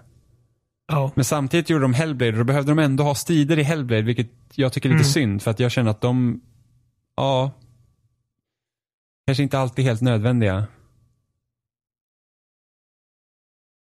Ja, men, men Striderna var det, roligaste. Hellblade, nej. Hellblade. Striderna i Hellblade var jättetråkiga. Eh, ja, nej. Nej, men jag... Ja. Precis. På tal om Ninja Theory, här kommer min sista. Ninja Theories DMC är ett skitbra spel. Och jag vet att eh, jag kommer nog inte få så många liksom just här som säger emot mig, för jag vet att Jimmy, du gillar också DMC. Ja. Eh, men, men alltså jag vet att det spelet det är svårt att gå in på någonting relaterat till Devil May Cry, alltså om det så är ett kommentarsfält på en YouTube-video eller typ en nyhet eller whatever, så då, då har vi de här som säger bara att åh, Alltså de driver med, med Ninja Theory och hur jävla värdelöst det spelet var. Och det spelet är fan inte värdelöst. Det är riktigt jävla bra det spelet. Och alltså det är sant att, jag menar jag förstår varför folk har det, för att olika saker är olika viktiga för människor.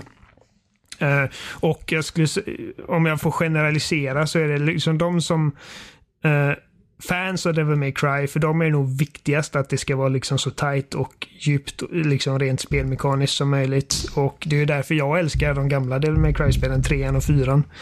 Uh, eh, men uh, för mig är det även viktigt med liksom karaktärisering och uh, berättelse och eh, cinematography och eh, bandesign och allt sånt. Och jag skulle säga att eh, Ninja Theories DMC är ett... Det finns fler grejer jag inte gillar med Devil May Cry 3 och 4 än vad det finns i Devil May Cry eh, Ninja Theories Devil May Cry. Om vi säger så. Mm. Jag älskar vad Ninja Theory gjorde med bandesignen i det spelet. Liksom hur, hur den här liksom världen Limbo såg ut och eh, vad de gjorde rent estetiskt med det IPet. Eh, och jag menar, jag förstår att folk inte riktigt gillade hur Dante såg ut. Han var lite mer generisk medan han var väldigt så här, igenkännbar i föregående spel. Men eh, rent liksom när det kommer till miljöerna och vad han gör med banorna i det spelet är jätteimponerande tycker jag. Och eh, det är lite synd att mycket av dialogen hänger på liksom chockvärdet i ord som fuck you och typ uh, kant och skit. Um, men det är liksom, det, det har faktiskt lagts ner ordentligt liksom med tanke och effort till att göra liksom en spännande historia i det spelet, vilket är liksom kan man inte direkt säga en av de andra spelen. Um,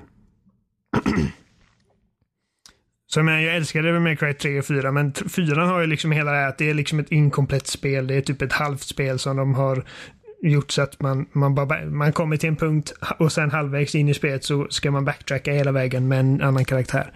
Uh, och trean har liksom all den här skiten, typ att oh, du ska möta alla bossar fyra gånger igen och du ska... Och det här jävla schackbrädet och åh oh, fy fan, jag bara tänker på det. Fy, uh, Devil May Cry, eh, som Ninja Theories DMC är det är ett grymt jävla bra spel och även om det inte alls är i närheten lika djupt rent spelmekaniskt och inte har samma skill gap som eh, Capcoms egna så är det fortfarande betydligt bättre än 99,99% av alla andra västerländska actionspel av den typen. Uh,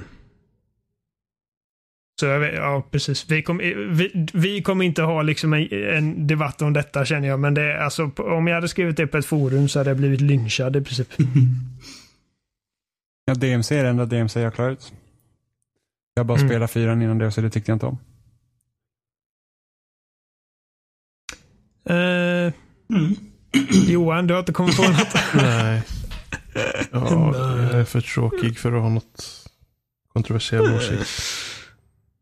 Okej, det är lugnt. Det är lugnt. Vi, vi, har ändå, kan- vi är ändå två Kan du inte timmar bara in dra till med en typ sån här... Alltså jag tyckte om eh, Colonial Mars eller något sånt. Colonial Marines. Marines, Marines, vad fan. Ja. Ja, Mars. Läste ni, inte, läste, läste ni inte att folk hade hittat orsaken till varför AI i det spelet sög eller? Alltså AI var, fortfar- Ja. Var fortfarande dålig, den blev något bättre. Ja, i alla jo, fall. men det var ett var extra- typo i koden. Det är så sjukt. I en config-fil var det till och med. Ah, så himla weird. Det blev en himla grej där ja. ja. Eh, men alltså, men nu, nu, nu vet jag Aldrin att du har två åsikter till och vi är två timmar in så, så jag, jag är bara nyfiken. Vi, vi, vi kommer inte diskutera dem Mhm. men du kan väl läsa upp dem. Jaha, ja. Eh, det ena var att eh, jag tycker att Diablo 3 har fått alldeles för mycket skit. Eh, Ja, Alltså, jag tycker det är ett helt fantastiskt spel och jag- jag begriper mig inte på... jag- För jag såg det så många gånger. Folk som liksom klagade på att Diablo 3 är dåligt, bla bla bla bla.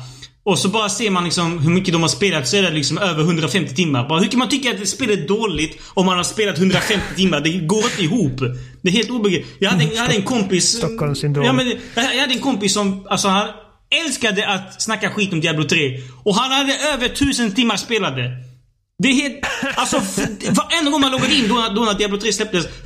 Det var så, han var alltid inne, han var alltid spelade. Han, han hade fa, allt man kan tänka sig. När du frågar honom ah, vad tycker du om Diablo 3? Ah, det är ett så jävla dåligt spel. Men hur går det ihop? Det, det, det är så, jag vet inte. Det, ja. Eh, det andra var... Eh, jag- hade som en punkt att efter man har spelat typ Zelda, eh, Witcher 3, Mass Effect och jämför det med något annat AAA-spel. Jag begriper mig inte på hur rollspel inte kan kosta dubbelt så mycket. Minst. Jag, jag fattar inte hur... Så du menar uh, Witcher borde kosta typ tusen spänn? Ja, alltså, typ Witcher och Zelda borde ha kostat, i min mening, typ tusen spänn. Om man bara räknar krona per underhållningsvärde kontra eh, liksom hur, hur mycket Det man investerat. Spe- Mycket, Hade vi kunnat säga en hel del om tror jag. Jag vet inte om det kan räknas som en kontroversiell åsikt i och med att... Jo, det, fa- det är väl en kontroversiell åsikt om att spel borde kosta dubbelt så mycket. Ja, om det är så pass, om det, om det är så pass stort och expansivt som de... Som, som ett rollspel som i Witcher och eh, Zelda... Vad heter det? Genren är. Ja, nej, men jag, jag, jag är med på noterna. Jag tror också att liksom ifall, ifall ett, problemet är bara liksom vem är det som bestämmer det. Ja, men det, det, det, som vanligt kommer det vara marknaden. Men jag menar, om, om, eh, om vi låter oss nu säga att vi, vi, vi, vi tänker oss inte att eh, ett spel kostar i regel ett AAA-spel typ så här, vad är det, 600 spänn ungefär. Om vi, om den biten hade varit liksom bortblåst och någon släpper ett spel, alltså ett rollspel, whatever, säg Witch 3. Jag hade inte haft några problem med att betala 1000 spänn för att njuta av det spelet. Alltså verkligen. Nej, nej men jag, jag håller med. Och jag tror, att, jag tror att det hade kunnat gå åt andra hållet också. Liksom att andra spel hade kunnat gå ner i pris. Ja, ja. Oh, ja. Eh, Jag tror att eh, då hade man, men, hade det kanske inte blivit så då liksom att man hade sett många utvecklare som liksom lägger in ännu mer liksom bara, Man, bara man, liksom man kan, skit för att få upp någon typ speltidssiffra så de kan ta mer pengar det Jo. gör de ju redan.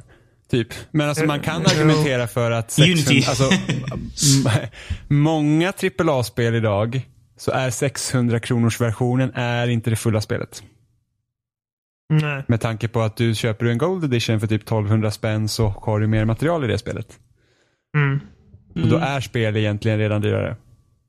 Jag tror att, alltså, jag kollar på Red Dead Redemption 2 nu då, jag tror att ifall du, ifall du köper den vanliga standardversionen så går du miste om ett eh, bankrånaruppdrag i kampanjen. Eh, men ja, ja, nej, nej men som, som sa, jag, jag- lovar att vi inte skulle gå in för mycket på för att nu, nu har vi spelat in i två timmar. Uh, Fan, jag hade också en till annars. det, ja, okej, men, Ja. men ta den då. Jag hatar bossar. Det är helt värdelöst med bossar i Ja, spel. just det. Ja, men du är ju fan helt jävla dum i huvudet. Bossar är dig? så jäkla tråkigt. Sluta. Det är så många Varför dåliga tog bossar. du, varför, var, alltså, det här är ju typ de mest Jag vet, jag kontroversiella. kom på det precis. Jag, varför kom jag inte på det?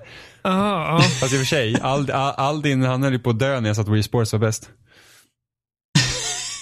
ja. Bossar är ju fantastiskt. alltså, ja, ja. jag älskar bossar. Eh, jag brukar tycka typ att jag brukar tycka att de vanliga fienderna är roligast i spel sen när man kommer till en boss är det bara så här, "Åh." Men alltså, så syfte, de så här- jag försöker komma på någon, någon rolig boss. eh, Och jag vet inte varför jag kom på Gears of War eh, 1. Eh, Nej my god! På tåget. Det, det, det, där är väl något för att stärka min poäng antar jag? jo, jo, jo det är det. Det är det. Det är det, det, är det jag menar. Det, var den, det var den jag kom på och eh, han sista Mm. i Killzone 2. Eh, de två. Ja. Ja, Ja, och Killzone jo. ja, men det är 2 klart att det finns Killzone- usla Ja. bossar Killzone givetvis. 2 är ju inte ens ett bra spel i sig själv. men- så. Vänta, va? Va? Kill- Kill- Killzone Va? 2 är skitbra. Nej, sluta. Killzone 2 är inte ett bra spel. Du Ja, måste håll skoja käften. med mig. Det är ett av världens i särklass bästa spel. Med ett av i särklass fan. bästa handkontroller. Oh my fucking god! Nej, Killzone 2 är, alltså nej, Killzone, Alltså 2 är Killzone inte 2 ett bra multiplayer spel. är så jävla strålande. Det enda som är dåligt med det är storyn. Allting annat är fenomenalt. Jimmy, för fe- sluta! Nå- Aldin, Aldin han gillar Wii Sports bättre än Ja, men det är Killzone 2. fan ja. otroligt. Hur fan är vi ens bekanta? Inte vänner, bekanta. Killzone 2 Kill- Killzone 2 är... Äntligen, jag älskar dig Kill- Aldin. Killzone 2 är jag har inte- alltid sagt att Killzone 2 är skitbra. Det är är- fenomenalt. Nej, det är det inte. Det är, det är inte bra. Alltså herregud. Här, alltså. Den, den, ha- det, vad heter det, eh, vad heter det, vad heter de, Ge- Gerilla eh, gjorde med, eh, med handkontrollen. Det var så otroligt briljant. Och jag hatar folk som säger Åh men det, man känner sig så jävla tung. Ja! That's the fucking point. Det är så jävla bra gjort. Mm, ja, jag gillar också hur tung man känner sig. DualShock 3-kontrollen gör ju inga spel några tjänster dock. Det är en annan femma. Nej, jag hade velat köra Den Killzone 2 kontrollen är med verkligen DualShock 4. hemsk. Det, det är en helt annan grej. Bara, bara själva... Jag vet. Alltså, fan vad... Ja, jag älskar Killzone 2. Nej, usch. Men du gillar inte bossar. Jag, för, jag begriper Nej, inte det. jag Det är typ en av de bästa grejerna med spelmediet. Bossar. Nej, Alltså, nej, det finns alldeles för många bossar som fuskar och drar till eh, cheap tactics för Jo, att jo, vinna. men, men jag håller med om att det finns jättemånga dåliga bossar. Men alltså, det finns så jävla många bra bossar. Alltså, ta typ hela Dark Souls-serien och Bloodborne hade varit utan bossarna. Fast samtidigt tycker jag att det är absolut roligast att slåss mot de vanliga fienderna i Bloodborne. Jag bryr mig faktiskt inte om bossarna Nej. speciellt mycket. Även om bossar kan eh, ge upphov till liksom så här intressanta liksom, händelser i spel. Det har jag inget emot. Men annars så nej. Alltså det, bossar gör ingenting för mig. Herregud. Har, har, har, du, har du spelat uh, Warcraft 3? Nej. Nej, för bossarna där är helt jävla fenomenala.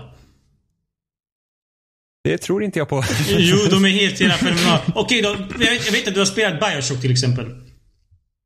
Bioshock, ja. ja. Ja, där är... Vad heter han? F- eh, sånt typ, ja, Fontaine. Fontaine. Ja, Fontaine var ju skitbra där också. Va? Ja. Det är det sämsta i hela det spelet när man kommer till sista bossen. Det där Nej. kan du inte mena allvar. Nej, jag menar allvar. Det är fan bra. Okej, typ- hur, hur tänker du då? Det, det var... Okej, det var lite over the top i vissa fall, men det var fortfarande... Eh, Lite! jag, jag vet att till och med, vad heter han? Eh, väl, om, om jag minns rätt så var det Ken Levine som sa att... Eh, eh, han, han tyckte inte om det alls. Om jag minns rätt. Att han hatade det. Han sa att det var typ såhär, "Ja, vi hade inte någonting bättre, någon bättre idé. Jag tyckte ändå att det var, det var en bra slutknorr i, i slutändan. Men ja. Nej, där håller jag inte med dig. Jag tycker att eh, Fontaine eh, hamnar i det facket typ som Ram och Myrra i Gears of War. Eh, eller Prophet of Truth eller Regret eller fan det är i Halo 2. Eh, det är, alltså, jag känner att generellt sett så i shooters så är bossar sällan bra. Alltså. Det håller jag med om, ja. För att... ja, jag vet inte. Just det här liksom att skjuta på saker tills de... Ja, nej. Mm, nej. Eh, Nej. Det är få bossar som jag har spelat där jag känner att när man är klar med bossen så bara wow, det där, det där kändes verkligen liksom att man fick sitta på helspänn och liksom vara svettigt. Ofta är det bara så här, Så. man kommer dit och bara så här, ja, och då måste man hitta på bästa sätt att bara så här hantera bossen och alla hans typ hundra miljoner minions som kommer ut och får man typ Ja, det är inte fan och... generellt. Bossar som förlitar sig på minions. Jag tror det ro Eh, roligaste jag haft i, tror en av de bästa bossarna någonsin, det är när man kör Bayonetta 1 och så mö möter man eh, hon som är typ exakt som en själv. John, ja. Precis. Eh, Det, där jävlar, det var, då kändes det verkligen som man fick sitta på, liksom, så på nålar och bara säga jag måste, alltså jag måste verkligen vara på helspänn för att klara av det här för vi ja, kändes men liksom likvärdiga. spel som Bayonetta och Bayonetta har ju jättemånga bra, asbra bossar. God Alltså, of War? det är roligare, det är roligare att slåss mot, eh, God of War, är, ja bossarna i God of War är för fan höjdpunkten. Japp. tänkte man typ slåss mot eh, Kronos. Det, det är inte, inte en traditionell boss så sett, men... Eller Hades älskar jag. Skitbra bossfight. Alltså, jag tycker boss, bossar som upplevelser som egentligen inte liksom så här att, ja men det, det, God of War är mycket av ett spektakel. Liksom Mm. att det är mer upplevelsen att komma till bossen och se vad, vad liksom bossen gör snarare än striden som är rolig. Känner jag. Ja, det är, det är en kontroversiell åsikt. Det är, Aj. och du har helt fel. Nej. Eh, och med omöjligt. de orden så, eh, så, så avslutar vi. Ja, nej, avslutar. Nej, vi avsätter Jimmy nu. avslutar vi för den här veckan. Eh, tack Aldrin för att du kom tillbaka och eh, var med på den här diskussionen och berättade om dina åsikter om Ja, Zelda. tack för att jag fick komma. Igen. Ja. Jag älskar dig. Du är fa- fantastisk. Eh, en av mina favorit... Okej, jag ska inte säga nej. nej. Jag har inga favoritgäster. Alla du sa gäster är det, lika du bra. sa det. Eh, det var så jävla synd att, eh, att du, du blev så sjuk när vi skulle träffas uh, Japp. häromveckan. Japp. Uh, Jag har varit sjuk hela, med, hela min semester så. oh, fy fan. Äh, fy. Men det Och, och när det är så här eller? varmt också. Ja. Åh. Ja. Helvete. Livet suger. Ja, Sen nej, dör men man. det, nästa gång. Eh, men då så. eh, tack igen och eh, vi, vi hörs nästa vecka helt enkelt. Ni hittar oss på uh, Johan, kan, spelsnack.com. Ja. Kan du inte hela- eh, på Facebook. Nej. Ja, men Okej, okej. jag tror att jag kan det. Vi finns på spelsnack.com. Ni kan höra av er till oss på, eh, på Facebook och på Twitter eller mejla oss på eh, våra namn slash spelsnack eller spelsnack. Eh, Nej. Nej, kontakt at spelsnack.com. Eller våra namn och uh, at spelsnack.com. Um, våra förnamn. Tror jag. Japp. ja. Eh, vi är på Spelsnack podd på YouTube. Vi är Spelsnack på eh, Facebook. Eh, vi har eh, vi finns på Twitter och vi, vi, vi personligen finns det. Vi, vi, vi är givetvis även på Twitter. Att Oliver Thulin, att Seppala13, att Johan Folsson och så har vi Aldin på. Uh, fan heter jag? Jag tror det är bara mitt vanliga namn. Är det inte Aldin jo, det är bara? bara. Rakt av. Ja. Ja. Mm. Det blir jättebra. Hej då. Har jag missat något Johan? Jag säger hej då. Bye. Ja. Okej, då säger vi hej då. Hej. Ha det gott. Hej.